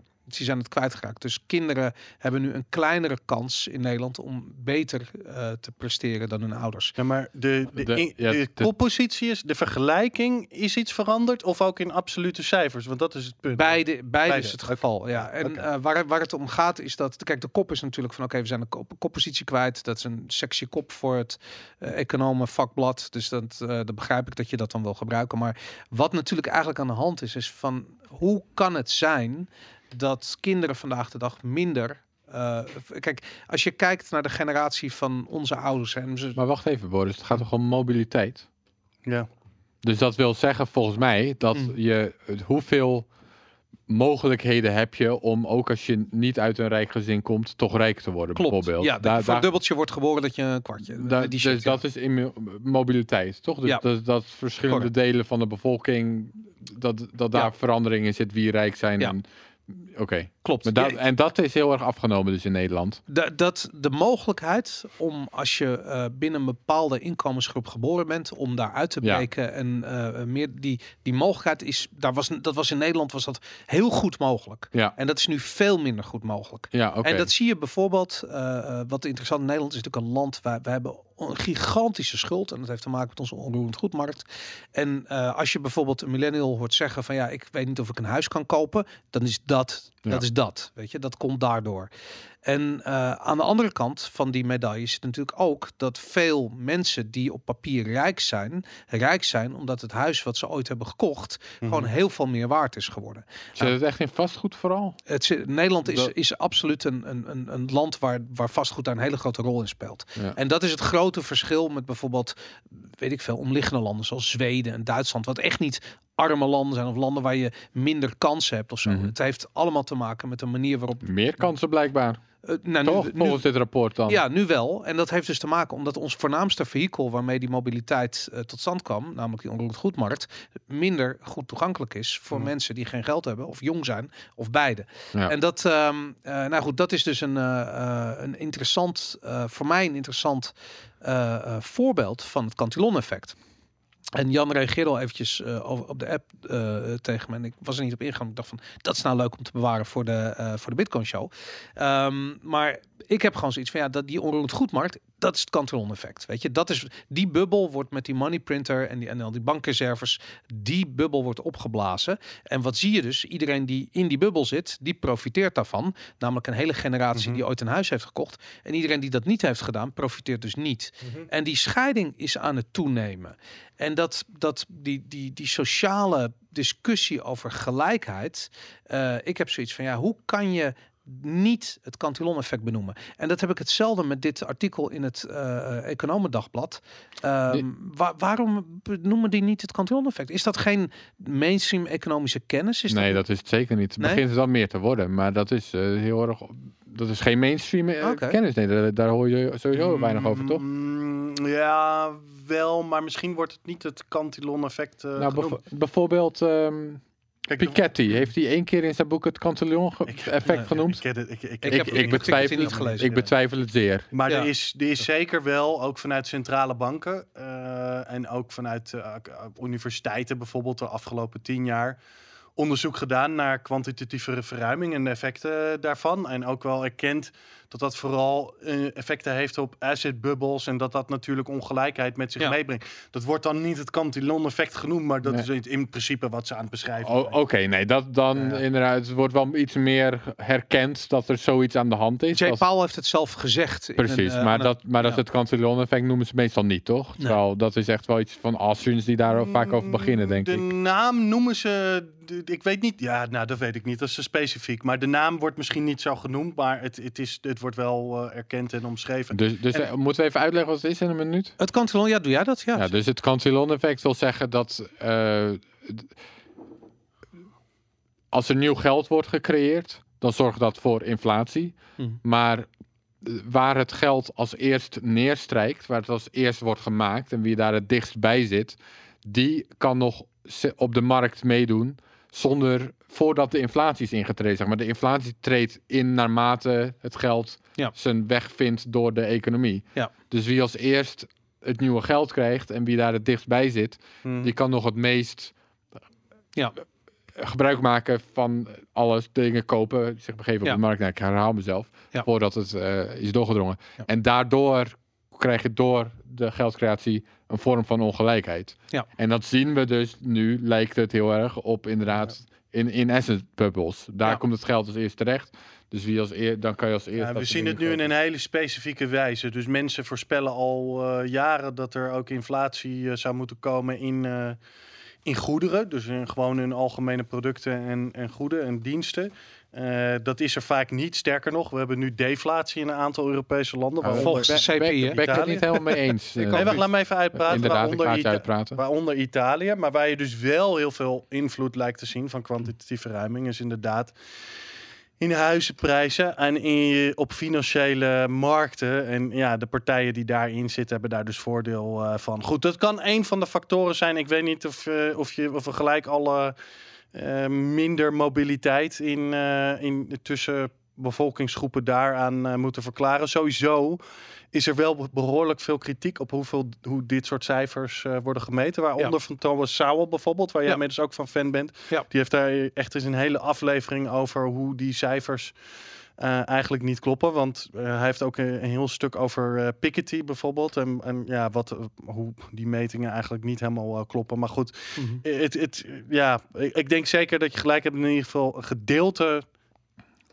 van kwantitatieve verruiming vooral heeft geleid tot meer ongelijkheid Ja. tussen, tussen groepen mensen. Ja. Nou goed, Maar wat- wat- even, ik wil één ding zeggen over inflatie nog. Ja. Ik weet dat we het Oh, vaker over hebben gehad. CPI. Oh. We gaan naar het CPI-discussie. De Nee, prijs, nee, nee, want Oh. die wil ik dan even overstaan. Want daar zijn we het volgens mij nu dan eh, enigszins over eens. Dat Mhm. al die bubbels worden niet meegewogen. eh, Daarom is CPI een beetje onzin. Ja. Maar het andere, dat is dus met Jeff Booth. Want ik heb laatst naar die podcast zitten luisteren waar hij Ja. was met McCormack en Plan B. En, en zijn punt was dus inderdaad dat eigenlijk zouden alle producten goedkoper moeten worden. Ja. Omdat we hebben steeds meer technologie om alles te produceren. We worden steeds efficiënter in alles. Oké, Dus eigenlijk ja, zou goed alles argument. goedkoper mee moeten mee eens. En het feit dat dat niet gebeurt is eigenlijk ook een soort van inflatie. dat heb- ja, oké. Ook al kun je het misschien niet Nee, technisch precies wat zo je- noemen, maar Nou jongens, ik zou je Nee, zeggen, ik zou je zeggen, ik was serieus bij de. Albert Heijn van de week. Een pak Wasa volkoren crackers kost keihard 1,49. En ik, want ik koop regelmatig, ik koop regelmatig Wasa volkorencrackers. Dat was altijd 89 cent. Op een gegeven moment werd het een euro, 1,09 euro. En nu keihard 1,49 euro. Ik wil niet van Ik zeggen, hoop maar dat het een tientje gaat kosten. hij nou, als we En zo doorgaan, in- zal het nog tijdens dit jaar. Nee, maar goed. Maar goed, eh, ik- nee, ik snap het. Eh, Aaron, ik, ik snap wat je bedoelt. En daar ben ik het wel mee eens. Alleen ik zou dat dan niet inflatie noemen. Maar Ja, daar zou moeten ze dat dan misschien een andere term voor hebben. Of zo, ander- maar maar je zou zeggen inderdaad, anders was er deflatie opgetreden die nu niet is opgetreden. Precies, ja. Dat, dat, dat- En waar zie je dat wel? Dat zegt Jeff Boef ook in technologie. Dus in Ja, omdat dat laptops zo en hard telefoons. Daarom, inderdaad. Ja, ja. Maar goed, oké. anyways, laten we door. oh, nee, ik wil nog. eh, wel deze, Oh, ja. vorm, deze vorm van ongelijk. Dus mobiliteit. Dus Ja. dat dat of dat toeneemt of af- afneemt. Dat vind ik dus heel kwalijk. Want Ja. vaak als er over ongelijkheid wordt gesproken, dan wordt er gesproken over een soort van absolute ongelijkheid. Ja. Van deze mensen zijn heel rijk en deze mensen zijn heel arm. En Gini-coëfficiënt heb je Ja. erbij. Mhm. En dat is vaak het topic van discussie als het over ongelijkheid gaat. Mhm. Terwijl ik vind mobiliteit eigenlijk veel belangrijker. Dat vind ik een vorm van ongelijkheid die kwalijk is. En dat is iets wat eh, goed zou zijn als dat zou afnemen. Ja. Dat wil, bet- wil betekenen dat mensen gelijke kansen hebben. Ja. En of sommige mensen dan misschien eh, geweldige uitvindingen doen en daar heel rijk van worden. Ja, daar heb ik geen probleem mee. Nee. Maar die kansen moeten wel zijn, die mobiliteit. Ja. En dat is ook een vorm van gelijkheid. Dat hoor, daar hoor je links nooit over bijvoorbeeld. Nou, en dan nog, eh, dit artikel gaat uit van een onderzoek wat eigenlijk eh, gedaan is aan de hand van de crisis. over het hoor je daar überhaupt nooit over. Ik wil niet alleen over links. Nee, maar, maar je hebt gelijk. Maar- Maar, goed, dus dit, dit gaat over de crisis van 2008. Inmiddels zijn we twaalf jaar verder. De volgende crisis dient zich aan. We, we hebben een zeeën aan geld geprint zien worden, gecreëerd zien worden door de Europese Centrale Bank. Eh, je kunt eh, eigenlijk, eh, het is een open deur, maar het ligt voor de hand dat dat, dat, dat effect wat hier beschreven wordt alleen maar versterkt is. Dus dat ja, kinderen die nu, of soort van jongvolwassenen van nu, hebben nog veel groter. Ik bedoel, het kopen van een huis was tien jaar geleden moeilijk. Het is nu onmogelijk geworden. Ik denk dat jonge volwassenen, zeg maar van de, tussen nu 25 20 en 30, die Ja, ja. huis, of iets ouder zelfs. Eh, ik weet niet hoe je die huizenmarkt eh, Ja, nog je kan vijf Ja, ton is- neerleggen voor een starterswoning. Dat is, dat is serieus. In Amsterdam is, echt dat. wel, hè? Dat is in Amsterdam nu absoluut het geval. Ja. Ja, je, zeker in de, in, de, in de stad, maar zelfs in, eh, in buitenwijken. Gewoon in gewilde buitenwijken, bij Utrecht of wat dan ook. Gewoon Phoenix-wijken. Eh, in, in, weet je, in de kleinere dorpen of standje, ja, hoe noem je het? Satellietstadjes, zeg maar, van. Utrecht, Amsterdam en zo. Maar dan moet je ook gewoon, eh, ik weet niet hoeveel neerleggen. Nou is geld lenen wel goedkoper eh, geworden natuurlijk in de zekere zin. Maar, Ja, maar je gewoon- moet het wel verdienen, anders idioot. krijg je de lening niet. Dat is het probleem. Ja, Dat, het is eh, echt idioot. Goed, oké jongens. Bitmax, jawel, daar gingen we het over hebben. Ze zijn er gloeiend bij. Eh, de Amerikaanse financiële autoriteiten hebben eh, eindelijk zijn ze wakker geworden, lijkt het wel. Want dit is natuurlijk eh, gebaseerd op. eh, eh, ze zijn al jaren bezig met het runnen van een zeer lucratief Mag ik nog één casino. ding eh, toevoegen? Want Oké. oké, gaan we door dan. Laat maar. We- Onze nominatie zet je op het spel, hè? Deze, Ja, ja, ja, als je die doen we de volgende aflevering. Mensen Gaan gaan, we niet, lekker gaan ons niet op ons stemmen op deze manier. Maar ik vind dat wel echt een goede. Dit is een goed argument voor Bitcoin. Ja, de- absoluut. Zeker. Dat dat even duidelijk is, want het ligt echt aan het geldsysteem dat Ja. dit soort dingen gebeuren. En daar is Bitcoin, vind ik, echt een oplossing voor. Met andere woorden. Dit is waarom Bitcoin. Maar ik wou hier eigenlijk later nog op terugkomen, want eh, we gaan het zo meteen hebben over of, of Bitcoiners wel of niet slimme mensen zijn. Maar daar gaan we het zo over hebben. We Oh gaan ja. het eerst even hebben over Nice. Bitmax. Ehm, het, eh, dit, dit, dit, dit, grote casino wat ze daar hebben opgetogen, wat ooit een van de grootste trading platforms ter wereld was. Inmiddels is dat niet meer zo. Eh, ze zijn nog wel heel erg groot. Ze zijn gevestigd eh, volgens mij op de Seychellen. Eh, ik weet niet of wat, hoe die jurisdictie daar precies eruit ziet, maar in ieder geval heeft de Amerikaanse financiële autoriteit gezegd: "Doet- maakt geen donder uit. Jullie hebben Amerikanen daar service verleend en dat betekent dat jullie nu hier de gevangenis in gaan. En dat, dat heeft te maken, hun argumenten waren in eerste instantie wat breder, namelijk dat ze ook bijvoorbeeld de markt gemanipuleerd hadden, dus bijvoorbeeld tegen hun eh, klanten hebben getrade.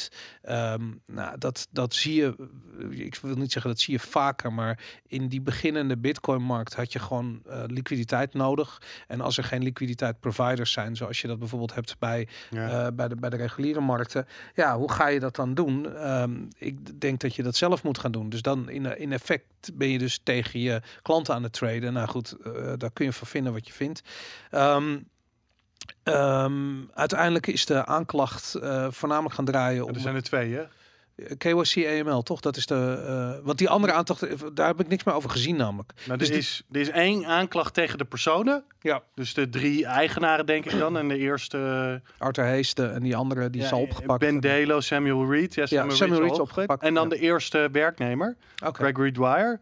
En daar gaat het echt specifiek om AML. Oké. En dan is er een aanklacht van de CFTC tegen inderdaad al die bedrijven. En dat gaat dus om een heel scala aan allerlei dingen wat je al noemde. Oké. Maar ook eh, over KYC en eh, dat ze niet geregistreerd zijn. En weet ik, eh, de, de hele lading. Maar ze hebben die ene man dus al opgepakt. Ja, nou ja, goed, die, daar ziet het er niet. laat ik zeggen, ik neem aan dat hij binnen een week vrijkomt op borgtocht.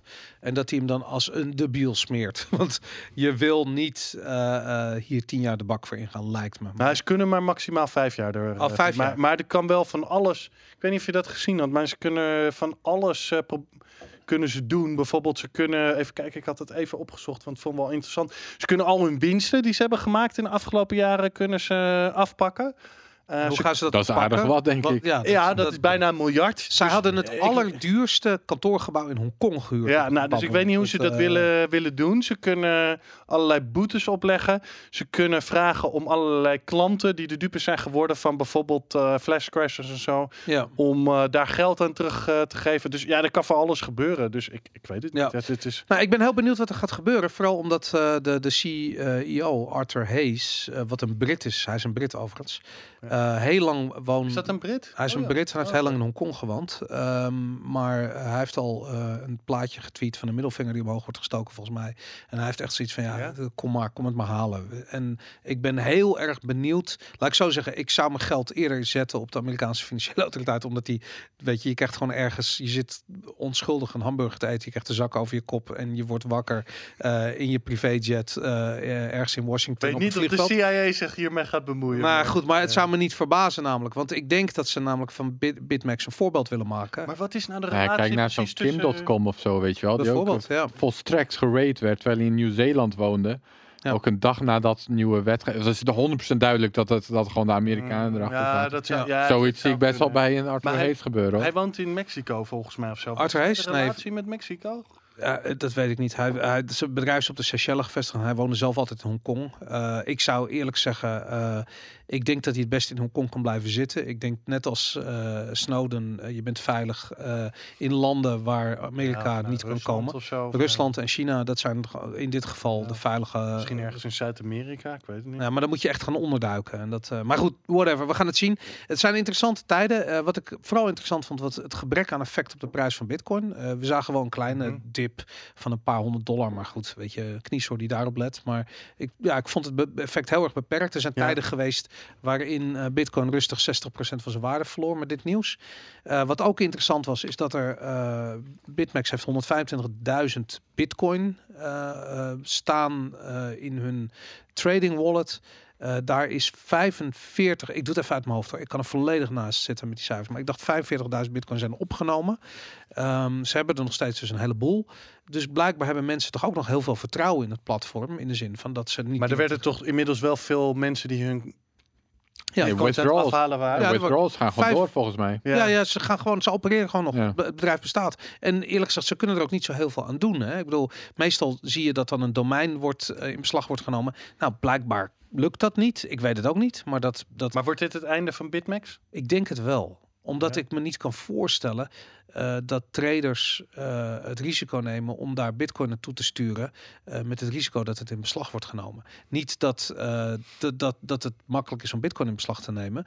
Maar ik zie rustig Amerika, dus de regering in de Seychelles zo hard onder druk zetten. Dat daar gewoon een paar lokale agenten dat kantoor binnenstormen. Weet ik veel, dat er ergens servers in beslag worden genomen. Ik weet het niet, maar het lijkt me niet onmogelijk om de boel in beslag te nemen. En dat, ik zou geen risico nemen, eerlijk gezegd.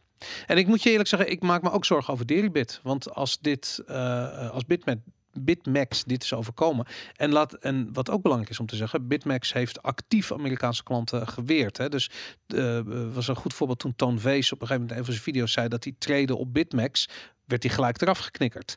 Eh, want hij deed dat onder een, eh, met een VPN, onder een eh, eh, ja, valse identiteit, bij wijze van spreken.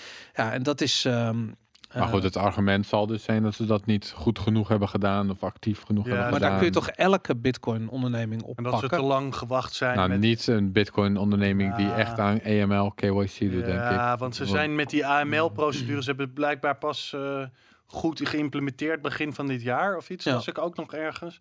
Dus zou kunnen dat ze gewoon te lang eh zeg maar, Ja. getort hebben. En het schijnt dat ze hebben op zitten scheppen over het feit dat ze die procedures niet hadden. Ah, oké, Een van ja. die founders. Ja, dat soort dingen, dan maak je mensen Dat echt je heel doen. boos. Ja. ja. Dan maak je het heel persoonlijk. Dus Nou, ik denk ik- ook niet... dat- Denk goed. jij dat ze dit gaan overleven? Nou, ja, nee, ik kan me niet voor. Ik bedoel, jij hebt natuurlijk wel voorbeelden, de Pirate Bay of zo, die eh, Maar er is één uit- groot gewoon verschil. nog steeds online is. Maar er ja, is één ik groot verschil. Deze Arthur Hayes heeft miljarden. ja, Dus wat er zo meteen gaat gebeuren is dat de advocaat van Arthur Hayes naar Washington gaat en die gaat zitten met die gast en zegt van oké, hoeveel? Weet je, en dan zeggen ze van nou ja, weet ik veel, eh, 200 miljoen en dan zegt hij van nou 150, eh, whatever. En dan komt er een bedrag uit en Arthur die tikt het af en het is klaar. Een hele vervolgings. En de, de hele bankensector doet dat. En als dat niet gebeurt, dan willen ze echt een voorbeeld stellen met Bitmax. En dat eh is Ja, maar dan, dan begin ik het hypocriet te vinden. maar, maar, maar, goed, mijn, mijn, Nadat er een miljard is witgewassen er door de serieus, er gaat nooit een markier de bak in voor dit Ja, soort daarom. En dan eh, heb ik ze, en dan kun je van zeggen van wat je wil, maar dan zou het echt wel onterecht zijn als er eh, Tuurlijk, iemand ja, eh, uit maar- Bitcoin-wereld daarvoor wel in de bak zou gaan. En ja, maar natuurlijk, verwacht je iets anders dan? Wow, ik, ik verwacht misschien wel dat het. eh, en natuurlijk dat, hè, aangezien eh, Arthur Hayes eh, niet eh, blank is, ik zag ook alweer argumenten over racisme voorbij komen. Ja, Dus ze dat pakken hem natuurlijk aan ook omdat hij zwart is. Dat is het gewoon. Oh, smerig. Ja, die argumenten waren meer tong in cheek, denk ik. Hoor. Nee, maar ik denk dat die argumenten zomaar zouden kunnen gaan komen. Ja, Het is ik denk wel- het ook, ja. Het is wel opvallend. Goed. Maar mijn Nou ja. argument met de Pirate Bay was juist van die zijn ook nog online, terwijl die inderdaad geen cent te mak hebben. Ja, inderdaad. Dus wie maar weet, dat, heeft eh, een, ja, dat heeft een grote community. En, en daar wordt denk ik niet zozeer heel veel geld verdiend. En ik, Dus, dat eh, Bitmax- het, het is anders dan Bitmax inderdaad. Maar ik, ik denk ook maar hardop hier in de show, joh. Inderdaad, goed. Battle of the Dexes. Dat is natuurlijk het, eh, het logische gevolg. Nou, ik vond het ironisch. En ik denk, we plakken hem er achteraan. ja. Want eh, Bitmax wordt nu aangepakt. En toevallig hadden ze een week daarvoor hadden ze een post over decentralized exchanges. Ja. En waarom ze nog steeds vinden dat decentralized exchanges nodig zijn. Nou, dit was Nou. dus een van de redenen. Ja. En, eh, maar het was wel een leuke eh, post van... ja, voor mensen die de geschiedenis van, eh, van decentralized exchanges niet eh, kennen. Eh, want ze beginnen dus eigenlijk bij Counterparty. Dat was een van de eerste decentralized Ja. exchanges. Ik was toen zelf ook wel vrij enthousiast over Counterparty. Ja. En die hadden gewoon een decentralized exchange al in eh 2013 of zo, wat het was. Ik weet niet meer. Wel alleen crypto naar crypto, hè? Mm, ja, wel- ja, ja, nee. belangrijk Dat is het ding. grote En probleem alleen, maar, met die eh, ja, en alleen maar Bitcoin eh, naar eh, native assets bovenop de Bitcoin blockchain eh, gebouwd. Dus eh, Bij Counterparty. ja, Dat dus niet dat was niet eens altcoins. Nee, nee, nee, nee. Het was, eh, zo- zover ik weet, was het alleen maar alles wat, eh, dus eh, alle, alle dingen die in Counterparty zelf werden gebouwd. Ja, ja. Voor wat ik me kan eh, Ja, dat- herinneren. Ik denk dat het wel klopt. Peppercash, eh Peppercards, eh Get Gems, eh, wat had je nog meer? Store, storage had je ook nog. eh, Hmm. Nou ja, goed, noem maar op. Je had van alles en, eh, en nog wat. Ja. Maar goed, dat was toen onwijs, eh, dus dat werkte gewoon. En dat, maar dat was, eh, ja, dat was ontzettend, eh, ontzettend langzaam. Eh, dat was één. En twee, er was heel veel kritiek vanuit eh, Bitcoin. Mhm. Heel veel Bitcoin gebruikers. Dat je dit soort meuk met allerlei nonsense tokens niet op de Bitcoin blockchain moest gooien. Ja. En toen eigenlijk, en eigenlijk omdat die, en, en dat vond ik wel interessant dat zij dat zeiden. Het is eigenlijk niet zozeer technisch Mhm. dat dit soort dingen op Ethereum zijn gaan gebeuren. Het was omdat iedereen die dit soort dingen wou doen in Bitcoin gewoon, ja, zeg maar, de deur werd, de deur Ja. werd gewezen, cultureel gezien. Ja. En toen is het eigenlijk overgestapt op, eh, op Ethereum. Maar ik vind dat Uniswap. ehm, ja, ik heb me daar de laatste tijd wel iets meer in zitten verdiepen. Ehm, nogmaals, ik maak mij best wel zorgen over Uniswap. Over het feit dat eh, dat op Ethereum loopt. Dat is één. Ja. Eh, en ik maak mij zorgen over het feit dat. hè, eh, nou ja, ik maak me nog over wat andere dingen zorgen. Ze hebben nu ook een token uitgegeven. Daar maak ik me ook zorgen over. Hm. Enfin, ik heb wel wat dingen te zeggen. Maar het is wel interessant. Want het is de eerste decentralized exchange die echt behoorlijk liquide is. Want dat was echt met Counterpart. Die was totaal niet liquide, omdat het allemaal langzaam was. En dit hebben ze dan toch wel eh, redelijk liquide weten te, weten te krijgen. Ja, en dan is een interessante vraag voor jullie twee. Want dan ben ik wel benieuwd naar hoe jullie daarin staan. Denken jullie dat wij decentralized exchanges echt goed werkende gaat gaan krijgen? Nee. Niet. Crypto to crypto. Ja, dat wel, Dat ja. wel, ja. Ja, nee, die fiat, fiat is het Fiat grote is heel erg lastig en daar gaat het vooral Fiat om niet. natuurlijk. Om, Ja. Daar gaat het vooral om. Oké, maar crypto to crypto wel. Jawel. Ja. Als er een Dat decentralized exchange zou zijn die eh, eh, fiat naar crypto zou doen of fiat naar bitcoin zou doen, dan denk ik dat het een gat in de markt is. Maar ik zie niet in hoe dat zou kunnen binnen het reguliere systeem. Het zou Fiat naar crypto niet. Nou, het zou kunnen, maar ik weet het niet. Het zou kunnen dat straks, stel je voor dat nou een of ander land zo'n central bank digital currency invoert die op een of andere manier minder gereguleerd is. Of ja, ik, ik, ik hoor mezelf praten. Ik denk, wat lult hij nou weer? Ja, het Maar, zou, het zou kunnen, maar ik denk weet dat je, dan dat zou je eh, misschien iets kunnen verzinnen. Dat dat het heel kan. lastig is. Hoe staat het met het eh, decentralized exchanges bovenop bitcoin bouwen? Momenteel. Wat is je vraag precies? Hoe het daarmee staat in het algemeen? Ja, want Uniswap is... nou, ja, je gewoon in het je algemeen. hebt- Je hebt BISC in ieder geval. Dat Ja. werkt redelijk. ja, Maar bij BISC, en daar hebben we het eerder over gehad, heb ik wel een klein beetje iets van, ja, het werkt tot Ja. ze er echt vanaf willen. En dan moet ik nog maar zien of het dat kan overleven. Maar op dit moment werkt het in ieder geval. ja. Ehm, Nou. Ik weet niet of dat je vraag was. Ik, ik, ik ken niet zo heel veel andere decentralized exchanges. Ik ken nog een paar exchanges zoals Hodl Hodl, die zeg maar half eh, centralized zijn, alleen niet custodial of zo. Maar dat zijn ook weer van dingen. Als ze er eens een keer echt vanaf willen, dan lukt dat wel. Ja. ja. Nee, goed, het probleem is gewoon eh, fiat. Fiat is het probleem. Dat, eh, dat is lastig. Laten we even doorgaan naar het volgende. Dat eh, geldt sowieso voor heel veel dingen, Boris. Absoluut. Fiat is het Fiat is het probleem. Fiat Ja. is, eh, het, is het probleem. Inderdaad. We gaan het even hebben over eh, de aantal Bitcoin users. Er kwam een artikeltje op Global Crypto Express. Ik weet even niet helemaal wie het onderzoek heeft gedaan, maar eh, Bitcoin breaks 100 miljoen users. En dan vraag je gelijk af van wat is een user voor dit onderzoek? En dat komen ze heel simpel komen ze aanzetten van ze hebben eh, gekeken naar het aantal Bitcoin wallets, b- Bitcoin adressen.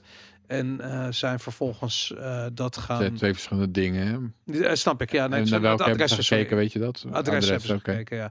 En eh, vervolgens hebben ze een, eh, eh, daar een rekensommetje af losgelaten en zeiden ze van... eh, ehm, ehm, ze hebben nu 100, eh, 191 miljoen adressen. Nee, wallets staat er wel degelijk. Ja, want dat zag ik ook dat ze over wallets hadden. Dat, dat, wat ik al twijfelachtig vond. Ja, want volgens mij bedoelen ze adressen met die wallets. Want ik had het gelezen. Het komt van Cambridge University trouwens. Die hebben het onderzoek gedaan. Ehm, en ze hebben dan bedacht van ja, die 191 miljoen eh, eh, adressen. Dat verhoudt zich ongeveer tot 100 miljoen mensen. En ik had echt zoiets van, echt niet. Wat denk jij? Zijn ho- 191 miljoen adressen, zijn dat 100 miljoen mensen? Nou ja, kijk, er zijn natuurlijk ook veel mensen die Bitcoin hebben en juist weer geen wallet. Die gewoon een Coinbase account hebben of een eh ja, dat zou kunnen. En dan heb je één adres. Blab account als ze nog iets slimmer zijn. Ja, inderdaad. Maar dan heb je dus één adres. Dan heb je nul adressen. Dan heb je gewoon een account bij een exchange en daar staat wat geld op. Staan die niet intern ook?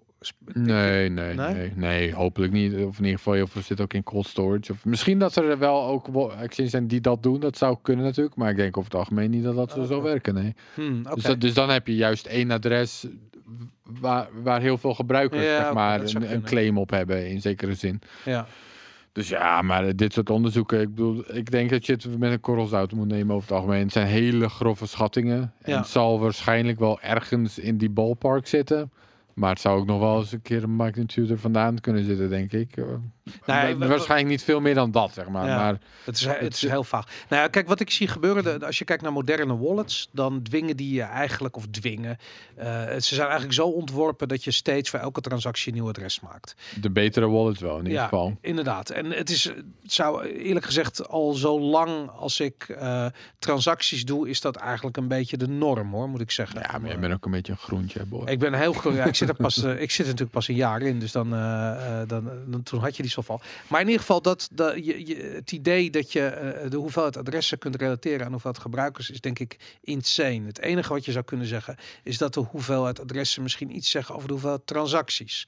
En als dat op een bepaalde Nou, manier met zich verhoudt. Hoeveelheid transacties kan je sowieso gewoon meten. Dat snap ik, Dan heb je maar- ze hebben dit niet gemeten nodig. via adressen. Maar, maar snap je dat als je. eh eh nou, ze, er staat wallets, maar we geloven niet dat dat. Nee, nee, wat ze hebben gedaan is, eh, ze hebben alle, om- omdat er in- inmiddels alle users geKYC'd zijn in heel veel van die exchanges. Op die Ja. manier hebben ze steekproeven gedaan om aan achter te komen hoeveel unique users er ongeveer zijn. Oh, oké. Ja, maar goed, ik Ja, daar, kom- daarmee kom je heel in natuurlijk. kom je Daar had niet ik niet eens aan gedacht met Ja. KYC. ja. Maar dat staat niet in het verder. artikel, hè? Dat staat. Nee, dit stond een referentie naar de methodologie en eh, dat heb ik doorgelezen. Ah. Maar Maar delen alle exchanges dan, De- dan zomaar? Of, de, nou, blijkbaar.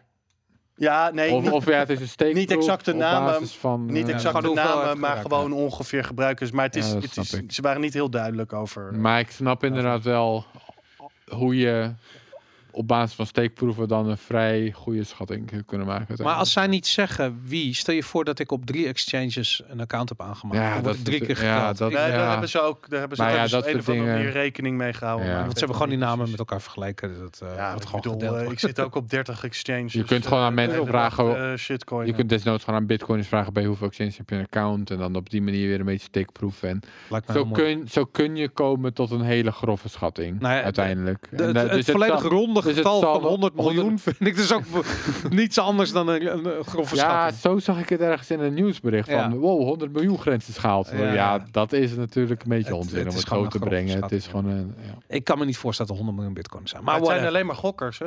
daarom inderdaad, ja, 100 Ja. miljoen mensen aan het Dat is casino. het volgende artikel. Nou ja, 100 miljoen mensen dan die op een bepaald moment bitcoin hebben gehad en misschien inmiddels weer hebben verkocht en die misschien later weer gaan kopen als ze denken dat de prijs weer door het dak gaat. Ja, Dat zou kunnen, toch? 100 Ja, miljoen? die nog. Weet- ja, 100 misschien. miljoen? ik weet het niet. man. ik, Mensen die een keer wiet hebben gekocht op eh, Silk Road. allemaal Oh, ik denk wel dat 100 miljoen mensen eh, eens een keer bitcoin hebben gebruikt. Ja, Ja, ik denk dat dat wel kan Ik heb nog nooit wiet Denk gekocht op de Silk Road. We hebben ook Nee, dat coffeeshops je ook gewoon, niet echt als je dat. Nederlander bent, nee. Ik wou uh, hydroxychloroquine kopen op een of andere dark market. Ik ben niet zo thuis op de dark markets, maar ik dacht van ja, dat, dat is nou typisch iets waarvan ik denk van dat ik hoor dat dat dat, Dat goed loopt op wel, die ja. dark markets. Nou, Eh, het is niet heel duur, dus dat. eh, Een van mijn, weet je, ik, ik was geïnteresseerd geraakt in Bitcoin, zeg maar rond 2013, begin Ja. 2013.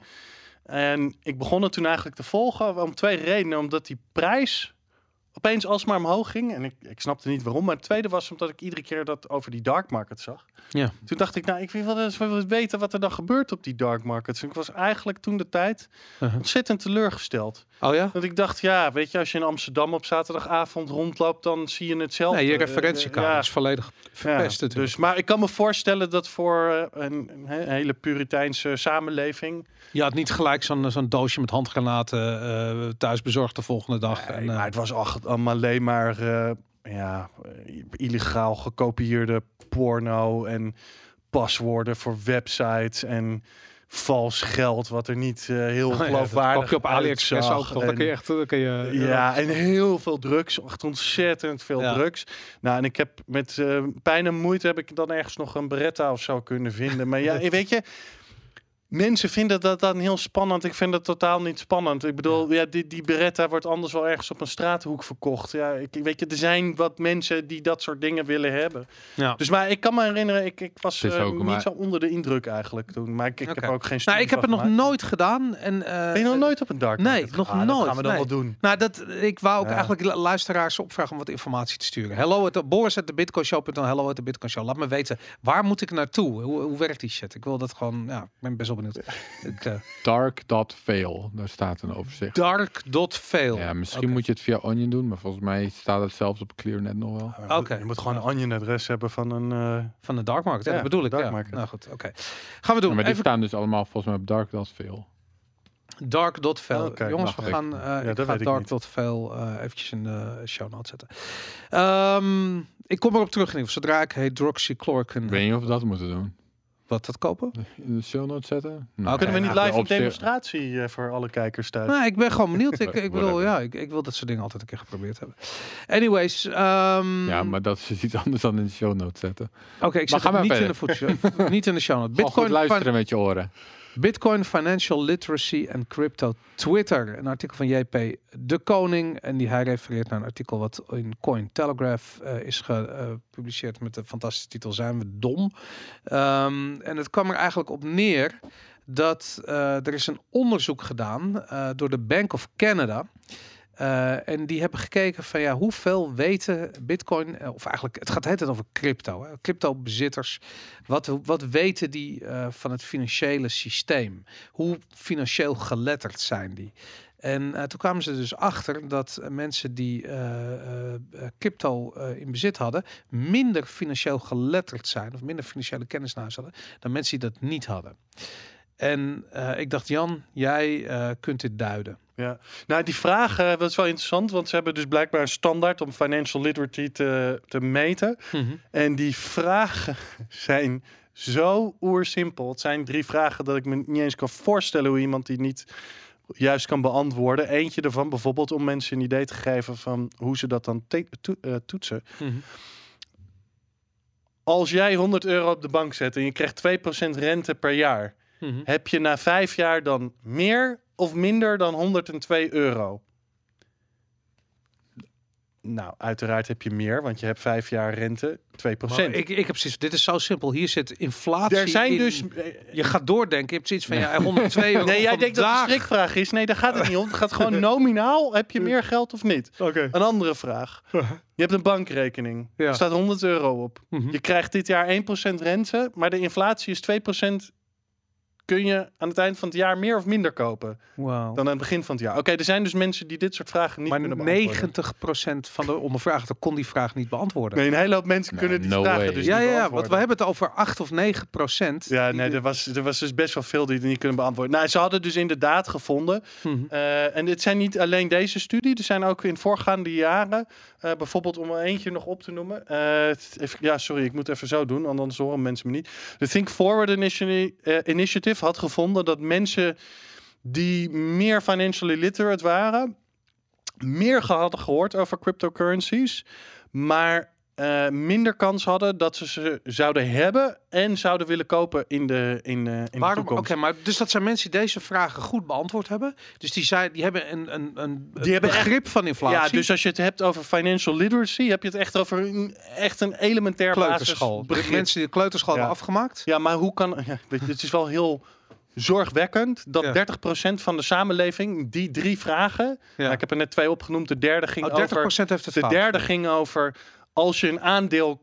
eh, je loopt... De stelling was... Ja. Je loopt minder risico als je één aandeel in één bedrijf koopt... dan dat je een fonds koopt waarin je mindere, meerdere aandelen... Meer of minder risico? Meer. Ik probeer, Minder, sorry, ik probeer minder. even. Minder. Minder Is, risico? ja, is deze stelling waar of onwaar? Nou, het waren gewoon echt... Je kunt je het niet En voorstellen. een dat aandeel mensen- Tesla? Of was het, Maar eh, er, waren, er is dus 30% van de bevolking blijkbaar die niet dit soort vragen kan maar beantwoorden. het Goed? is, het is, Nee, van het de bevolking. Dat, dat, ja, dat- van de bevolking. van de hele bevolking. Van de hele Ja, dat bevolking. Dat, hebben ze ook- verbaast me niet heel erg. En daar komt er nog eens bij dat eh, binnen Bitcoin er dus meer mensen zijn die niet dit soort vragen. Nou, en de stelling van JP is, maar daar ben ik het eigenlijk in een zekere zin wel mee eens. En dat vind ik wel interessant wat hij zegt. Hm. Hij zegt, ehm, binnen Bitcoin heb je eigenlijk een soort van tweesplitsing. Je hebt een kleine groep hele welbelezen, intelligente mensen die discussies aan het voeren zijn over technologie, over monetaire innovatie, over ehm, van alles en nog wat. Mhm. En je hebt een hele grote groep gokkers. Ja.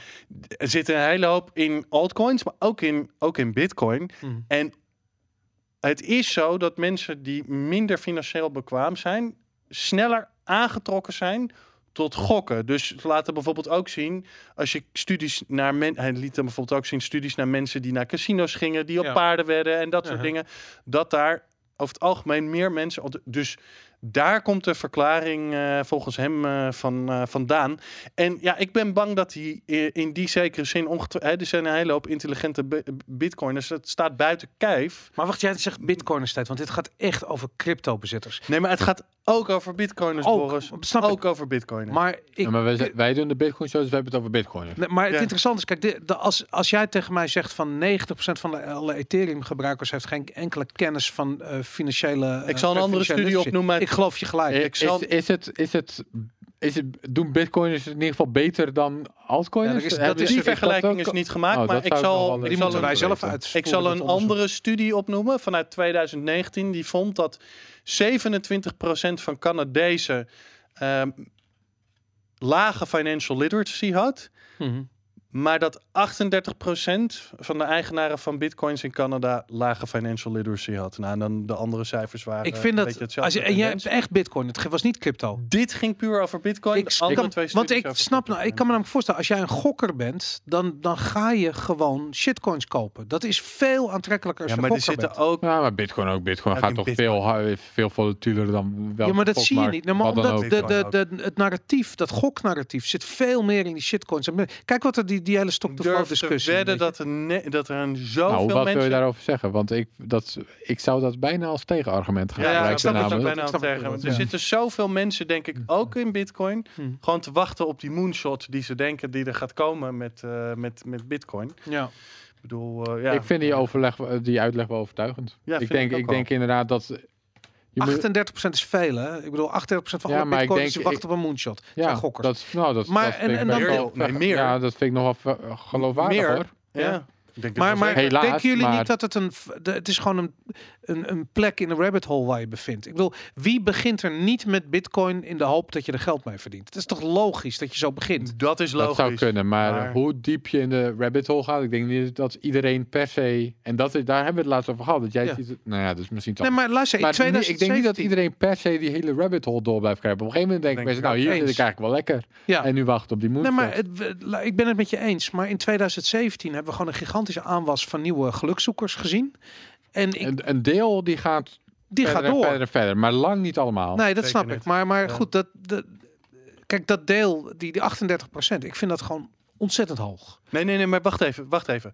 38% is financially illiterate. Het is nog hoger. Dit is nog hoger, ja. want hij zegt alleen het enige wat zo is. Sommige is dat- gokkers hebben ook nog wel wat financial ja, literacy. eh, zeg sommige gokkers zullen ongetwijfeld eh, vrij hoge financial literacy eh, hebben. Ja. Ik denk dat dat aandeel heel groot is, eh, Boris. Ik, Ik denk, denk dat er een heel groot aandeel is. Overwegend. Vooral Terwijl ik denk dat we hier met z'n allen de wereld zitten te verbeteren. Zitten jullie gewoon, jullie, jullie, jullie zitten gewoon je zakken te vullen. Nou, maar ik, ik- ben benieuwd wat jullie van het volgende denken. Want hij heeft hier dus twee punten over gemaakt. Ah, dit, kijk, dat heb je altijd toch? Je kan niet verwachten dat iedereen... Maar ik vind het gewoon hoog. Ik vind het gewoon veel. Ik bedoel, als jij mij had gezegd dat 10% van de bitcoiners hier aan het, eh, aan het gokken is. Oké, cool. Had ik zo begrepen. Maar, Maar- maar, bijna, wat komen we dan? Bijna de helft van alle bitcoiners? Nee, ik zou zeggen eh, 85 à 90 procent. Ja, ja ik dat denk bedoel het ik. Dat is toch Ik verschrikkelijk? denk het gros. Hey, maar hij, hij maakt hier twee punten over. Dan ben ik benieuwd eh, wat jullie Hmm. daarvan vonden. Het eerste is dat hij zei. Dan moet ik het even nakijken wat hij precies zei. Hij zei deze, ja, dus zeg maar de groep gebruikers is echt wel een grote contrast tot zeg maar de, ja, de, de, de kleine groep op eh, Twitter bijvoorbeeld, die vrij goede discussies heeft en Mhm. op eh, podcasts zoals de Bitcoin Show en zoals in de Telegram groep van de Bitcoin Show bijvoorbeeld. Ja. Ehm, en hij zei, deze mensen hebben eigenlijk, moeten ze echt oppassen met wat ze zeggen. Waarom? En dan zegt hij de volgende zin. If gamblers are told that they're not really gambling, but helping to overthrow the banking oligarchy or replacing corrupt fiat money, then they'll probably gamble even more. Wat vinden jullie van die, van die stelling? Ik, ik ben nog steeds in shock van, van, van, van het 90% van de bitcoin gebruikers die zitten te gamblen. Ja. Ik, ik denk dat, ja, eh, maakt het uit waarom je naar het casino gaat? Weet je, is, dat, is daar nog een soort van. Ja, maar ik ging omdat het toevallig maandagavond was. Dat was het nergens anders. Alle kroegen waren dicht. Weet je, of is het nog zo van ja, nee, maar ik, ik weet ik veel. Mijn vriendin werkt achter de bar en anders zie ik. Ik bedoel, maakt het Ik, uit? ik, je? denk, ik denk dat ik... Ik zou zeggen, als mensen... Als die mensen toch willen gokken... Laat ze dan... Op, laat ze dan bitcoin... Laat ze dan daarop gokken in plaats van dat ze naar het casino gaan. Casino is sowieso negative return. eh, of hoe je dat... Hoe, wat het, Ja, dan liever bitcoin, zou ik zeggen. Ja. Dus misschien is het juist wel goed van... Nou, laat die gokkers dan maar het- een Maar- uitlaatklep vinden in bitcoin. Laat ik zo zeggen, ik- als zij gokken op dat hun eh 100k keer geleveragede inzet op Bitmax wel of niet zichzelf terugbetaalt, vind ik echt iets anders dan als ze gokken op de ondergang van het huidige financiële fiat systeem. En als zij gokken, zo, als, als je dat als gokken ziet, dat je zoiets hebt van ja, ik weet het niet met die inflatie, ik zie het niet helemaal zitten. Ik ga wat in bitcoin steken, wat van mijn spaargeld. Want ik gok erop dat, eh, dat de boel gaat klappen. Zekerheid hebben we niet, weet je. Voor hetzelfde geld wordt dit balletje nog, eh, nog 30 jaar door, eh, doorgeschoven. Ja, het is Ja, maar ik denk dat dit alweer een beetje iets anders is. Hè? is dat niet Ander- gokken? Dat je, go je gokt dat het systeem kapot gaat? Nou, als je dat doet vanuit jouw kennis over het systeem en daarover nadenkt, dan, dan dat zou ik een onderscheid willen noemen met gokken. Schatten of een we- God, Stock to flow. Ik, ik gebruik nu gewoon synoniemen voor gokken. Maar ik wil zeggen, ja, investeren of ja, dat is Ja, toch. goh, dat- is alles gokken- gokken. Gokken is een soort van blind van nou, of wel of niet. En het is Ja. gewoon leuk om te kijken wat het wordt. Wat- ja. Dus gokken is een soort van overwegend eh, idee dat eh, die hypecycle of weer iets weer terug gaat komen en dat, je, hè, dat er weer nieuwe gebruikers komen. Terwijl investering, Aaron het heeft, is meer een investering. Eh, En wat jij Nee, sorry, hebt, is ik- meer een ik- ik- investering. daar wordt het zo ik een- Luister, ieder- iedereen Nee, die... maar dit onderscheid is altijd een beetje grijs. En hij maakt hem ook niet helemaal 100% Ja. scherp. Kijk, want ik- ja, je kunt best denken dat de bitcoinprijs omhoog gaat en dat je daarom ook bitcoins wil hebben. En dat is niet per se gokken, want dan zou op een aandeel speculeren per se ook gokken moeten zijn. Daarom, dat Dus is dat alles kan niet. gokken, ja. Maar ehm, ja, dus dan waar leg je dan precies de, precies de, precies de grens? Eh, ik denk dat zijn idee is een groep met mensen die vooral hè, erop gokken dat er in de toekomst weer een prijshype eh, gaat, eh, gaat zijn, omdat er meer mensen bij komen. En misschien niet helemaal 100% eh, echt achter de overtuiging staat dat Ja. privacy belangrijk is, dat ehm, hè, ehm, hard money eh, belangrijk is, zoiets. Maar goed, dit zit er heel erg. Ja, wat, wat Nou, wat- identificeer je precies als een gokker? Dat is natuurlijk wel een vraag. Wat ik wel vind spreken in het voordeel van deze these, dus dat bitcoiners over het algemeen heel veel gokkers zijn, Mhm. is ook de sterke eh, correlatie met bitcoin en altcoins. Ja. Als, als je het met mij eens bent dat altcoins voornamelijk gokken is, dan en bitcoin niet, dan zou er eigenlijk een, de correlatie ja. heel erg moeten breken. Ja. Maar omdat de correlatie zo sterk is, dat wijst voor mij wel uit van ja, er zijn heel veel mensen met dezelfde ideeën en dezelfde En zoals jij gokmentaliteit. aangeeft, pokeraars zijn ook heel erg aangetrokken tot bitcoin. Ja, maar dat is juist geen gokken.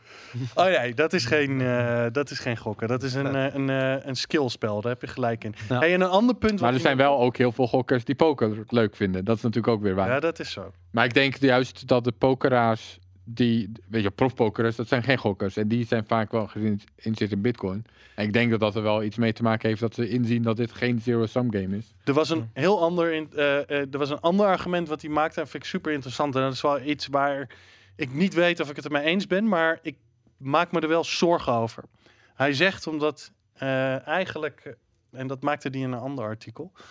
Maar hij zegt eigenlijk omdat er die grote groep met gokkers is. Kijk, veel mensen in Bitcoin maken het argument als Bitcoin groeit, groter wordt, wordt het stabieler. Maar hij zegt dat is waarschijnlijk niet zo, omdat Bitcoin nu eigenlijk in een soort van fase zit waar gemiddelde mensen vaak niet echt gebruik willen, willen Mhm. maken van eh, Bitcoin, juist omdat het zo volatiel is.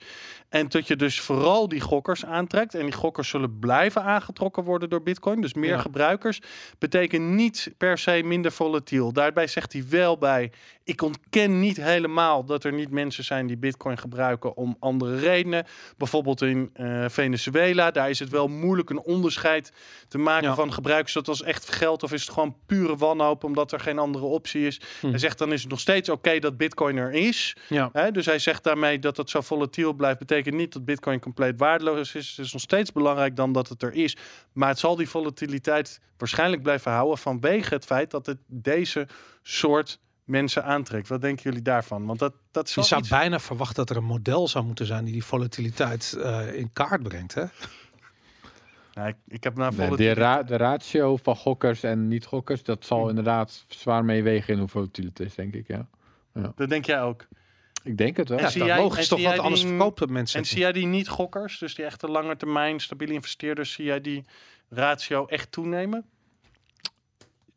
ik zou verwachten van wel, ook afhankelijk van de context van de wereld waar we in leven. Als het voor steeds Ja. meer mensen duidelijk wordt dat fiat het probleem is, zoals we net eh, Ja. hebben vastgesteld, dan, dan, zullen, dan zal hopelijk die ratio die, van mensen die bitcoin gebruiken, niet om te gokken, maar Er zullen steeds geld meer Venezuela's komen. Dat gaat gewoon meer ja, gebeuren. dat soort dingen. Dus dan, ja. dan hopelijk neemt die ratio toe in, in favor of de niet-gokkers. Ja. Cool. Nou, interessant. Jongens, jullie horen het. Jullie zijn gokkers. Europol gaat... nee, onze eh, kijkers niet. onze kijkers niet. Nee, dat ziet hij. nee. Ik heb 10%, eh, eh. niet eh, moreel bezwaar met gokken ook trouwens. Hè. Dat Nee. moeten mensen lekker zelf weten. Ja, dat, dat als is dat een rush is. Dat is ook waar. Maar ik heb gewoon zoiets van, ja, de... Kijk ook naar de... Nou, whatever. Ik, ik ben er klaar mee. Europol names privacy wallets, coins, open marketplaces as top threat. Eh, De Europese politiedienst eh, trekt aan de bel, want privacy wallets, wow, terrorisme, kinderporno, drugsgebruikers. Wat is hier aan de hand? Nee, je hebt het net goed samengevat, denk ik. Ja, heel goed. en wat gaan ze doen? Zijn ze, hebben ze ook nog een plan van aanpak om die privacy wallets eh, eh, de kop in te drukken, die, die subversieve eh, terrorisme financiers eh, klem te zetten? Nee, dat dacht ik niet, toch? Het is Nee? een waarschuwing op dit moment. Oké. Het is gewoon Nee. een vaststelling dat... eh, Daar hadden we het in de auto toen ook over. Met Tor wordt ook bijvoorbeeld in zo'n rapport expliciet genoemd. Maar Tor is gewoon niet verboden.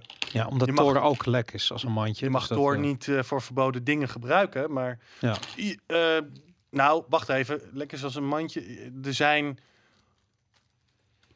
Nou ja, goed. Oké, ja, daar durf als ik, niet- ik. Laat ik het zo zeggen. Er zijn problemen mee, maar het is beter dan niks. Ja, nee, helemaal eens. Maar als je... maar dat terzijde, dan gaat de discussie Ja, niet Maar over. daar gaat niet de discussie Maar- niet over. Ja, dus er is natuurlijk wel een verschil met Tor. Verschil 1 is dat... of, hoe ver geldt het voor Tor? Eh, nou, het verschil 1 wat ik wilde gaan zeggen in ieder geval, daar kan ik over nadenken hoeveel, het- in hoeverre het eigenlijk klopt. Maar het verschil 1 is dat als jij wasabi gebruikt, dan is het in principe niet alleen zo dat jij jouw fans aan het anonimiseren bent. mhm. Je bent eigenlijk ook aan het helpen met andere mensen hun fans aan het anonimiseren. Ja. Je maakt oh, deel dat uit. is- Dat is waar. Ja. En in, als je het zo wil gaan argumenteren, dat argument zou je kunnen maken dat je dan dus, als er illegaal geld bij, of ja, geld, als er zwart geld, om die term dan maar te gebruiken, die ik ook haat. Mm. Maar als, je, als dat geld in de mix gaat en jij zit ook in de mix, dan kan je dus eventueel misschien het argument maken van je bent aan het helpen die mensen hun geld Maar dan aan zou je hetzelfde doezelen. kunnen zeggen over een Tor Hidden Servers. Terwijl een Tor Hidden Servers ook gewoon legitiem is. Ja, Dus ja, Ja. hoewel daar is dan de, de- zolang je maar niet iets. Ja, nee, oké, maar daar komt dan een ingewikkelde schei. Ik snap je punt. Het tweede ding is dus dat, en daar hebben we het al heel vaak, dat heb je ook heel, heel vaak genoemd, is dat terwijl het maatschappelijk best wel geaccepteerd is dat privacy in communicatie belangrijk is, om een of andere reden Ja, en financiële wordt communicatie. financiële Ja. ja. communicatie, financiële privacy, opeens worden die argumenten vergeten. ja. Dat veel dezelfde argumenten zijn. Nou, dat Dus, heeft ook dus, te maken. dus, dat, dus dan zou het kunnen dat dit opeens wel weer allerlei consequenties gaan hebben die iets van. Dat maar dit gebeurt. Dit is hebben. gewoon op. En dit het al- gebeurt inderdaad al. Ja, Daarom, dus we hoeven ja. niet eens hypothetisch te spreken. Dit is precies wat er gebeurt. Precies, ja. En dat Ja. heeft misschien ook te maken met die, Ja, met je die eh, gelijk, ja. de, de 10% financial literacy Nou die ja, we maar hebben. Ze hebben natuurlijk in, eh, dat was denk ik een jaar geleden, hebben ze met Fiat en andere partijen hebben bijvoorbeeld ook Best Mixer eh, Ja, op. ja, dat, eh, bijvoorbeeld, ja, ja. dat werd natuurlijk ook gewoon het gros niet voor criminele doeleinden gebruikt. Ja, Ja, maar dan ook nog. toch blijkbaar is dat genoeg om te zeggen van eh, we gooien de hele boel eh, op, op slot. Want ja, de rest van de gebruikers. Ja. En dat is wel raar, want als eh, een bank bijvoorbeeld eh, geld wit was, ja, die, dan zou je denken, oké, maar dan heb je toch, zit je toch in dezelfde situatie, dan gooi je toch die bank Blijkbaar niet. Maar, Nee. maar dat is blijkbaar Ik zal niet. even, want ik kreeg een, we kregen een comment in de chat. Ik kreeg een comment in de chat dat, dat omdat we vorige week hadden we het over die Mhm. achterlijke gladiol van een VVD Oh ja, die debiel van Rotterdam. Ja. politicus die Nou, nou, nou, man. Nee, maar echt serieus. Even daarover om een Ja. zijstraatje. Iemand post ook een interview met die gast Ja, in ja, de dat chat. komt zoiets. Ja, Wat een gast is dat dat? is kop. Er werd gewoon gevraagd aan hem, letterlijk, van... Ja, maar vind je dit nou... Past dit wel bij de liberale waarden? Dit Ja. is een VVD'er. Nou, dat kan En niet zijn antwoord schelen. was, ja, kan me niet schelen. Wat? Je bent een VVD-politicus. Dat is je antwoord op een hele legitieme vraag. Maar het is ook wat zeg maar over het niveau van politiek in Nederland hoor. Jezus Christus, wat een debiele heb je daar rondlopen. Maar dus even voor duidelijk, de, de comment die ik eigenlijk kreeg in de chat van, omdat ik vorige week had ik eigenlijk een soort van brain freeze, dat ik niet eens meer wist, wat moet je daar nou van zeggen. Maar Ja. dus de, het, waarom financiële privacy belangrijk is, net als alle andere privacy, is omdat als je dat allemaal maar opgeeft, dan deel je dus van alles over jouw persoon. Mhm. Dat kan, allerlei, nee, dat kan op allerlei manieren tegen je gebruikt worden. Ja. Daarom hebben we privacywetgeving. Ja. Het kan eh, in het geval van financiële privacy op ehm, financiële manieren tegen je gebruikt worden. Dus Hm. bijvoorbeeld, om een eh, onschuldig voorbeeld te noemen, jouw huisbaas kan dan pre- precies Hm. zien hoeveel je verdient. En die kan op het moment dat je promotie krijgt bedenken, hé, hey, dan gaan we even wat meer geld vragen. Dus op die manier kan het tegen je gebruikt worden. Het kan ook op andere manieren tegen je gebruikt worden. Identiteit, diefstal. Kun, dat, kun je, dat, Dat kan. Of, weet ik wel, je hebt een donatie gemaakt aan een politieke partij. Daar kan het ook voor gebruikt over worden. tien jaar, want het gaat dus, dat is dus het andere ding, veel, over tien jaar kan dat tegen je gebruikt worden op het moment dat er een dictator aan de macht komt die het niet zo goed op heeft met mensen die achter die politieke partij staan. Ja. En dat is dus belangrijk om even op te merken, want heel vaak wordt gedaan van ja, maar we kunnen onze overheid wel vertrouwen. Mhm. Maar als je dus privacy opgeeft, dan is het niet alleen zo dat je je privacy opgeeft aan de overheid van nu, Ja. maar potentieel aan alle overheden die in de toekomst kunnen komen. Ja. Een van de redenen dat er in Nederland zo ontzettend veel Joden zijn verdwenen in de Tweede Wereldoorlog, Ja. is omdat ze precies hebben gedocumenteerd wie dat waren en waar ze woonden en dat de Duitsers die informatie in handen kregen. Ja. Dus om dat soort redenen is privacy belangrijk en financiële privacy zou daaronder moeten vallen. Om een reden die ik niet begrijp, vergeten ook heel veel privacy-activisten opeens, of mensen die in ieder geval het belang van privacy begrijpen, vergeten dat opeens als het om financiële privacy gaat. En dan gaat alles opeens alleen nog maar om drugsdealers. Ja. Trouwens zou drugs ook Ja, ik zou er nog aan worden. toevoegen dat er ook ehm, zoiets is, want je hebt het nu over allerlei consequentialistische argumenten. Ik zou ook zeggen dat mensen een soort van natuurlijk recht hebben op privacy en dat je eerst ja, dat je behoorlijk je best moet doen, zeg maar, om het tegendeel eh, aan te tonen in een situatie. eh, dat zou ik er nog misschien aan toevoegen. Probeer je eens te laten zien of zo? Want je Ja, ik, ik wou zeggen, ik wou eigenlijk proberen te signalen jullie van we hebben nog twee eh, punten en ik wil ze eigenlijk, eh, we, we zouden het nog even. Je wil door. Nou, ik wil eigenlijk gewoon afsluiten. We zijn één uur en drie kwartier verder. Eh, we hebben nog één interessant onderwerp, maar daar kunnen we het volgende keer over hebben, want het gaat een hele lange worden. Een intolerant ziel. Oh, daar hebben we het de volgende keer wel over. ja, daar gaan we het volgende keer over hebben. En eh, Nederland heeft 200 ton goud eh, verhuisd. Nou, lekker belangrijk. En dat kan goed komen met bitcoin. ja, Ja, dat daarom. wist Het wel. glom heel erg. Mannen, ik moet zeggen, eh, dit wordt wel een spannende week. Want? Nou, de Dutch eh, Bitcoin Podcast. Oh, jongens, Ja, ja. gaat er gebeuren? Vergeet Wat niet te stemmen. Mail naar hello at the Bitcoin Show. Breng je stem uit en onderbouw hem goed. en wie weet maakt jouw favoriete Bitcoin podcast volgende week. eh, eh, ja, gaan ze aan de haal met die felbegeerde de Bitcoin Podcast Award. Want eh, ja, het wordt spannend, jongens. Hey, dank jullie wel allemaal. Dank jullie wel voor het luisteren. Dank jullie wel voor het kijken. Het was gezellig. Later. Strong hand, everybody!